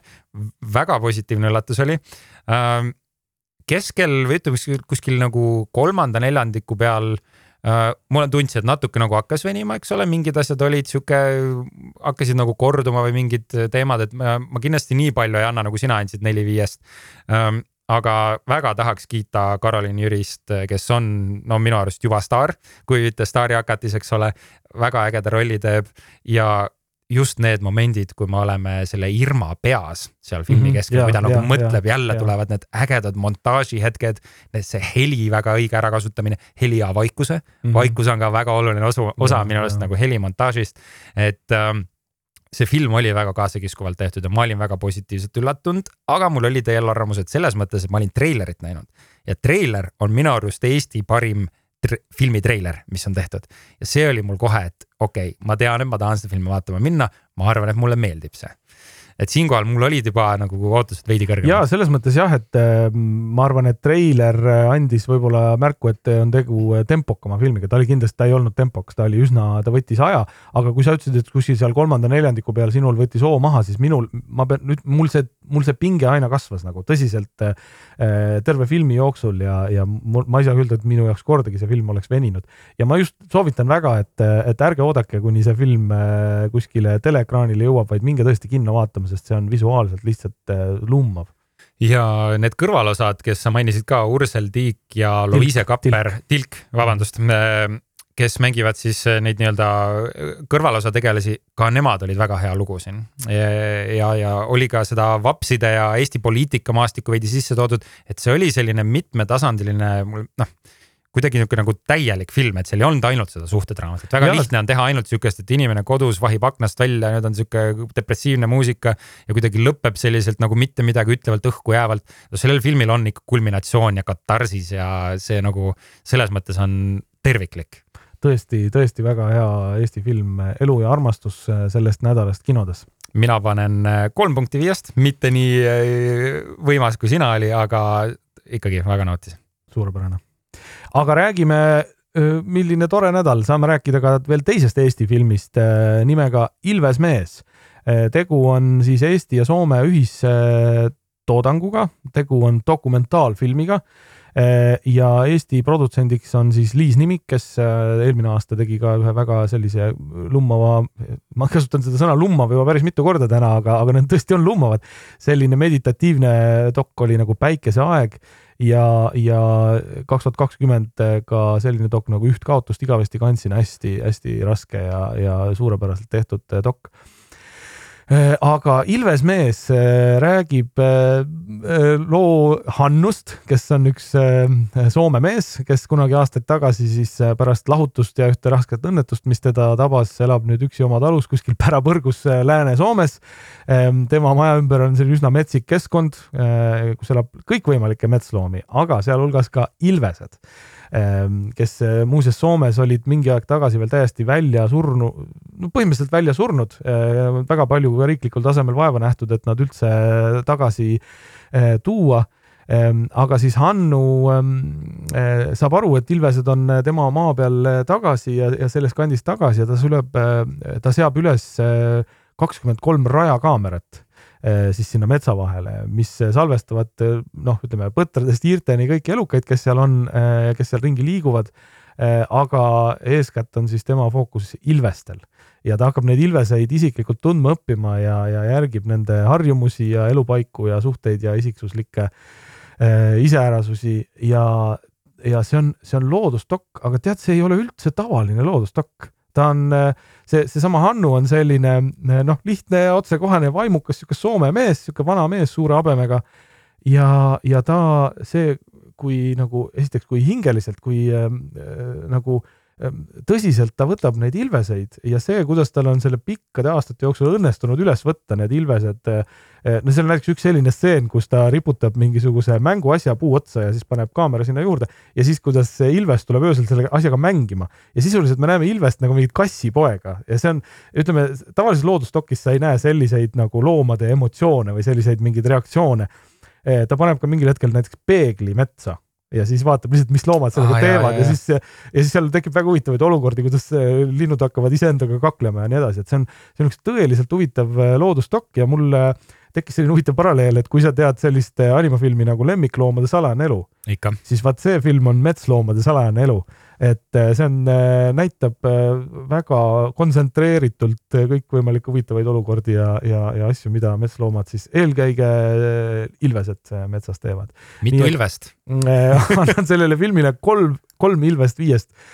minu jaoks jah, ma nägin seda Dogpointi festivalil, see oli Dogpointi avafilm täiesti ootamatult mõnus ja soe ja, ja huvitav elamus, eelkõige huvitav nii, aga meil on kaks filmi veel jäänud, kumma võtame enne, kas äh, All of Us Strangers või Priscilla? ma tean, et sa kibeled rääkima All of Us Strangersist. no räägime. Äh, kõik me võõrad äh, on siis draama fantaasia elementidega lavastatud Andrew Hay poolt näitlejad Andrew Scott, Paul Mescal, Jamie Bell, Jamie Bell ja Claire Foy ja see film räägib äh, loo mehest äh, nimega Adam, kellega tutvume, kui ta on äsja kolinud uude kortermajja ning siukse kummituslikult tühi maja, kus ta on ja järsku avastab, et seal peale tema elab veel üks noormees, Harry, keda mängib siis Paul Mescal. ühel hetkel siis äh, mehed kohtuvad omavahel ning nende vahel tekib tugev side ja näeme intiimset ja ilusat armulugu. ühelt poolt on see film selline siis kahe noormehe vaheline armastuslugu. teiselt poolt on ta fantaasia elementidega selline peredraama mm, -hmm. kus siis Andrew Scotti äh, mängitud tegelane saame teada, et tema nooremas eas on kaotanud oma vanemad ning ta justkui selliselt unenäolikult saab neid nüüd külastada, kui ta on juba vanem mees ja vanemad on järsku kuidagi selles praeguses ajas tagasi. et see ei ole selline unenägu, et ta näeb, kui ta on lapsena nende mhm, vanematega mm -hmm. koos, vaid järsku on vanemad uuesti kuidagi tema ellu sattunud ja vot see kaks äh, sellist nagu paralleelset lugu, et alguses mulle tundus ka, et ma vaatan, eks ole, armulugu, aga hoopis see peredraama oli see, mis võttis minu jaoks selle filmi mm -hmm. täielikult üle mm. -hmm. ja seal tekkisid ka, et kui, kui keegi näiteks on ka kaotanud mõne mm, pereliikme või, või lapsevanema, siis äh, no ma julgen öelda, et ma olen ja selline asi, et äh, see on niisugune unenäoline, mul on reaalselt tunne, et keegi võttis mu unenäo ja tõi selle mingil mm -hmm. teisel viisil nagu ekraanile, see on täiesti sürr.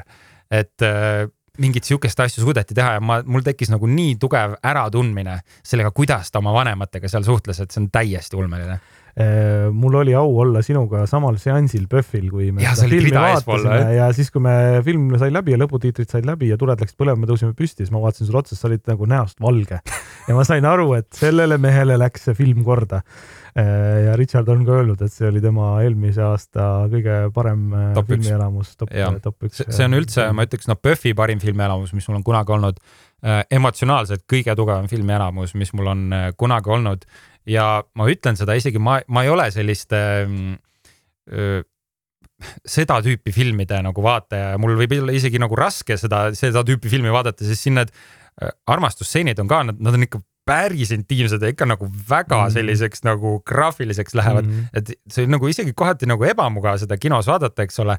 aga teiselt poolt see, see perelugu ja see, kuidas Andrew Scott ja Paul Mescal üldse neid tegelasi mängivad.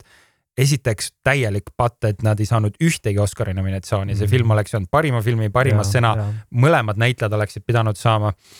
ja see on huvitav, et äh, mina tunnetan kuidagi nii palju, kui ma ka ütleme filmisaateid ja, ja, ja tekste, artikleid loen ja kuulen, et äh, mulle tundub, et äh, All of Us Strangers on saanud erilise armastuse osaliseks kogu filmi ja kinomaailmas paljuski tänu sellele, et ta ei saanud ühtegi Oscari nominatsioonigi sest inimesed noh, kuidagi nagu protesti vaimust eh, kiidavad veel nagu ekstra seda filmi ja see tõesti on seda väärt ja see on tõesti hämmastav, et et, et neid nomme ei tulnud, sest need on noh, need on väga-väga kõvad rollid, see on, see on, see on nii aus film Äh, kõik, kõik see, kõik need tunded ja see igatsus ja see lein ja, ja, ja ka, ja ka see armastus ja sealhulgas füüsiline armastus, see on nii aus film, ta on nii ehe. et, et lihtsalt ka ja, ja samas jällegi hästi ähm, visuaalne, et väga-väga väga kinos, kinos ja. vaatamise film, et, et kindlasti seda. ja ta ei ole lihtne film, mida vaadata, praegu võib-olla ütlen, ma ei tahaks, et jääks ka mulje, et see on liiga depressiivne, sihuke mm. ilgelt raske film, sest et. ta on optimistlik kes, kes mind, just täpselt, seal on mingisugune lootuse kiir, see on optimistlik, seal juhtub karme asju, aga ta kuidagi ei ei, noh, ta ei laasta sind, ta nagu sa saad mingi emotsionaalse katarsise sealt, aga ta, ta nagu ei hävita sind ära. ja, ja, ja ma, ma ütleks, et Andrew Scott, kes on tegelikult selle filmi nagu peategelane, ta, ta mängib ka sellise, sellise oma selle haavatavuse või, või, või nukrusega sellise rolli, et tahaks teda nagu vahel nagu kallistada seda filmi vaadates. ja, ja, ja tema varju sugugi ei jää ka Paul Mescal, Paul Mescal, Paul Mescal, kes on ütleme viimaste aastatega ikka täielikku tähelennu teinud ja, ja, ja eelmise aasta film After Sun, mis, mis teda ikkagi nagu A-klassi staariks jälle tõstis. Ja järgmisel aastal, ei sel aastal. gladiaator kaks. gladiaator kaks, eks ole, ta on seal peaosas, nii et väga huvitav, mis sealt tuleb, aga, aga tõesti, All of us strangers kindlasti soovitame kinos vaadata. skooriks äh anname, anname Oscarid, mitu Oscarit Oscarid. viiest annad? no mina annan viiest viis. mina, mina annan neli Oscarit viiest, mis on ikkagi ka juba väga-väga kõva skoor, et tõesti suurepärane film. järgmiseks Priscilla Priscilla just, ehk siis järjekordne Elvise film, võib vist nii öelda, et Elvise, Elvise film, Baz Luhrmanni Elvis oli, mis aasta-kaks tagasi, eks ole, väga hinnatud.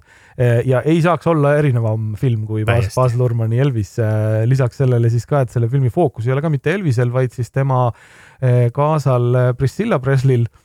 Ehm, muidugi oluline, vaata, et kõige olulisem on see, et selle filmi režissöör on Sofia Coppola, kes äh, noh, on tuntud kui väga omanäoline, ma ütleks selline ikka korralik arthouse režissöör, ta on teinud äh, Lost in Translation'i ja Virgin Suicide'i näiteks kaks filmi, mis minule väga, väga meeldivad, aga ma ei saaks öelda, et tema selline unenäoline stiil mulle muus osas väga istub. Ähm, ja, ja Priscilla just seda, seda unenäolist stiili nagu viljeles minu meelest, et ta üsna aeglane ja üsna niimoodi nagu noh, ütleme mahakeeratult nagu käsitles kõike seda asja, et ta ei võtnud ülemäära suure draamaga. Ehm, lihtsalt paari sõnaga siis sisust ka, eks ole, et eh, see põhimõtteliselt see film räägib eh, eh, teismelise neljateistaastase Priscilla kohtumisest Elvisega kuni nende lahutuseni mis oli siis eh, tuhande üheksasaja viiekümne üheksandast kuni seitsmekümne kolmanda aastani. ja, ja sellest nende noh, suhteliselt toksilisest suhtest, mis, eh, milliseks Elvis selle siis kuju, kujundas ja, ja päris selline ebamugav, ma ütleks, vaatamine, eba, ebameeldiv. minu jaoks tegi selle vaatamise meeldivaks siis Kylie Spaini, kes seda Priscillat kehastab üliarmas peaosaline. ma, mina, mina ei, mina ei, minu jaoks ka uus, uus nägu. See, kuidas ta selles filmis nagu täiesti nagu kolmes erinevas faasis seda tegelast kujutas, alguses siukse süütu rumalukesena, siis sellise armunud ja andunud naisena ja siis lõpuks sellise tugeva ja iseseisva noh, ütleme siis täiskasvanud äh, naisena äh, hästi nagu kaks nagu kolm täiesti eraldi tegelast, et, et väga huvitav. ja muidugi huvitav oli ka see, et Elvise äh, tegelaskuju, keda siis tegi, kehastas Jacob Elordi siin. kuidas meeldis sulle? See ei olnud üldse Elvis nagu.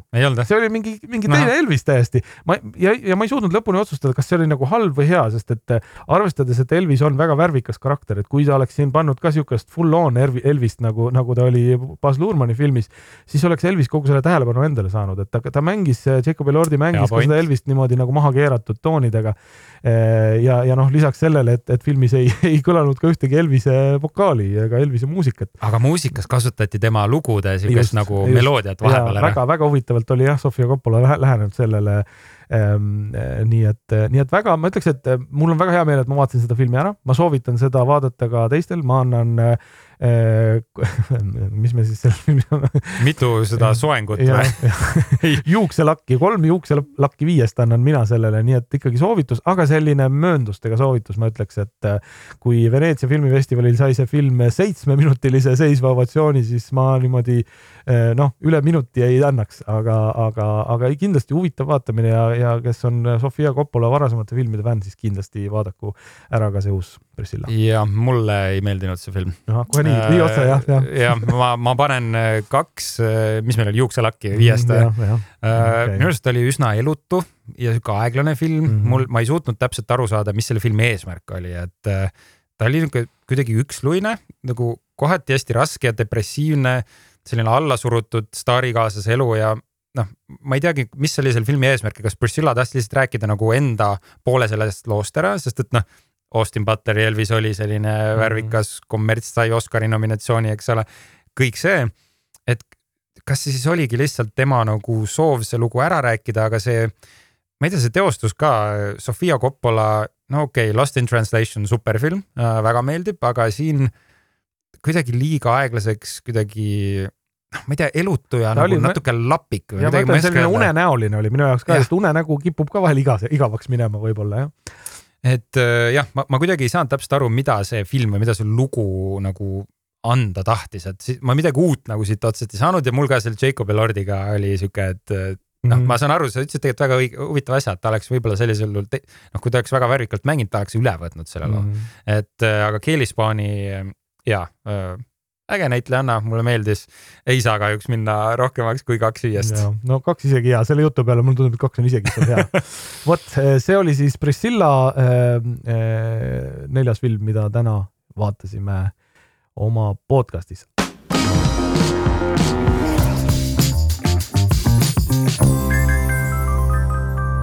aga lähme edasi ühe uue rubriigi juurde meie saates.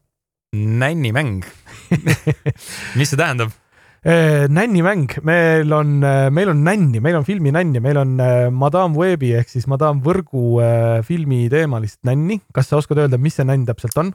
ma ütlen nii palju, et seal on ämbliku kujutis peal mm, -hmm. siis saate ise teada, mis see täpselt on, aga sihuke Spider-manilik Madame Webi teemaline vidin see on ja see on äge. Ja me siis loosime välja selle kõikide vastanute vahel, no see on siuke klassik, no olge, olgem ausad, see on siuke klassikaline nännimäng nüüd. me esitame küsimuse, te saadate meile emailid e, e-postid ja siis me loosime nendest välja.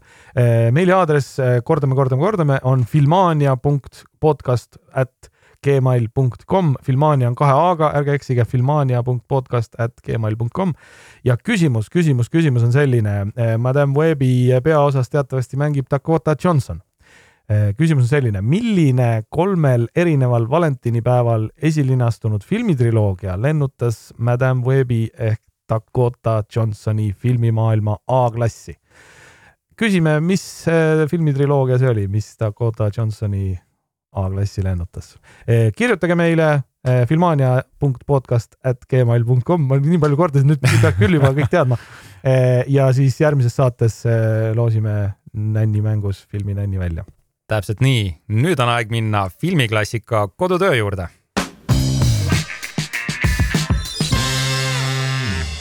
filmiklassika kodutöö on siis see lahe segment, kus me anname teineteisele koduseid ülesandeid filmiklassika näol, sest meil mõlemal on päris, no ma arvan, et igal filmifännil, ükskõik kui palju ta filme on näinud, on neid piinlikke filmiklassika auke. ja, ja me oleme kumbki teinud siis enda kohta sellise listi, mida me äh, lahkelt üksteisega jagame. ma olen sinna nüüd viimastel nädalatel aina juurde kirjutanud filme, mis ma olen avastanud, et kuramus jälle nägemata aga eelmisel nädalal mm, seoses äh, sellega, et rääkisime Düünist ehk siis kõvast äh, liivafilmist, tuli meelde üks teine liivafilm, mida Riks näinud ei ole, äh, Lawrence of Arabia. kas vaatasid ära, kas sa vaatasid ära? kolm tundi, viiskümmend minutit, see oli kogu minu pühapäev põhimõtteliselt. jah, ma vaatasin ära. kas oli seda väärt? see oli kindlasti seda väärt, et see on film, mis on minu eest ära jooksnud nii mõnelgi korral ja no ma ütlen ausalt, ma ei teadnud sellest sisust suurt midagi, ma teadsin Noor Peter O'Toole ja mingisugune eepiline sõjateemaline film seal on. noh, nii oligi, noor ja nägus kolmekümne aastane Peter O'Toole mängib siis äh, Lawrence'i nimelist tegelast, kes Esimese maailmasõja ajal Briti ohvitserina saadetakse sügavale Araabia kõrbesse, et ta sõbruneks printsiga ja selliste kohalike Araabia siis äh, hõimudega, et võidelda türklaste vastu. no see on selline mm -hmm, üldine ja, lugu, seda ja. filmi nagu liiga detailselt seletama ei ole mõtet hakata, sest seal on väga palju nüansse. aga no põhimõtteliselt võta võib-olla siis Dances with Wolves mm -hmm. Araabias oh. mõnes mõttes okay. ja, ja, ja sa nagu saad selle, selle filmi pointi, pikkus on vist ka umbes äh, sarnane oh,, sest jah, mingi neljatunnine mm. -hmm. mul on väga hea meel, et mul oli lõpuks põhjus see film ära vaadata, et äh, see on äh, suur eepiline film, äh, kuuekümne teisel aastal, kui ma ei eksi, välja tulnud film, mis, no ma kartsin, et huvitav, kuidas need efektid, kuidas kõik see maailm seal välja näeb, mulle tundub, et seda filmi on äh, praktiliselt filmitud pea igas stseenis.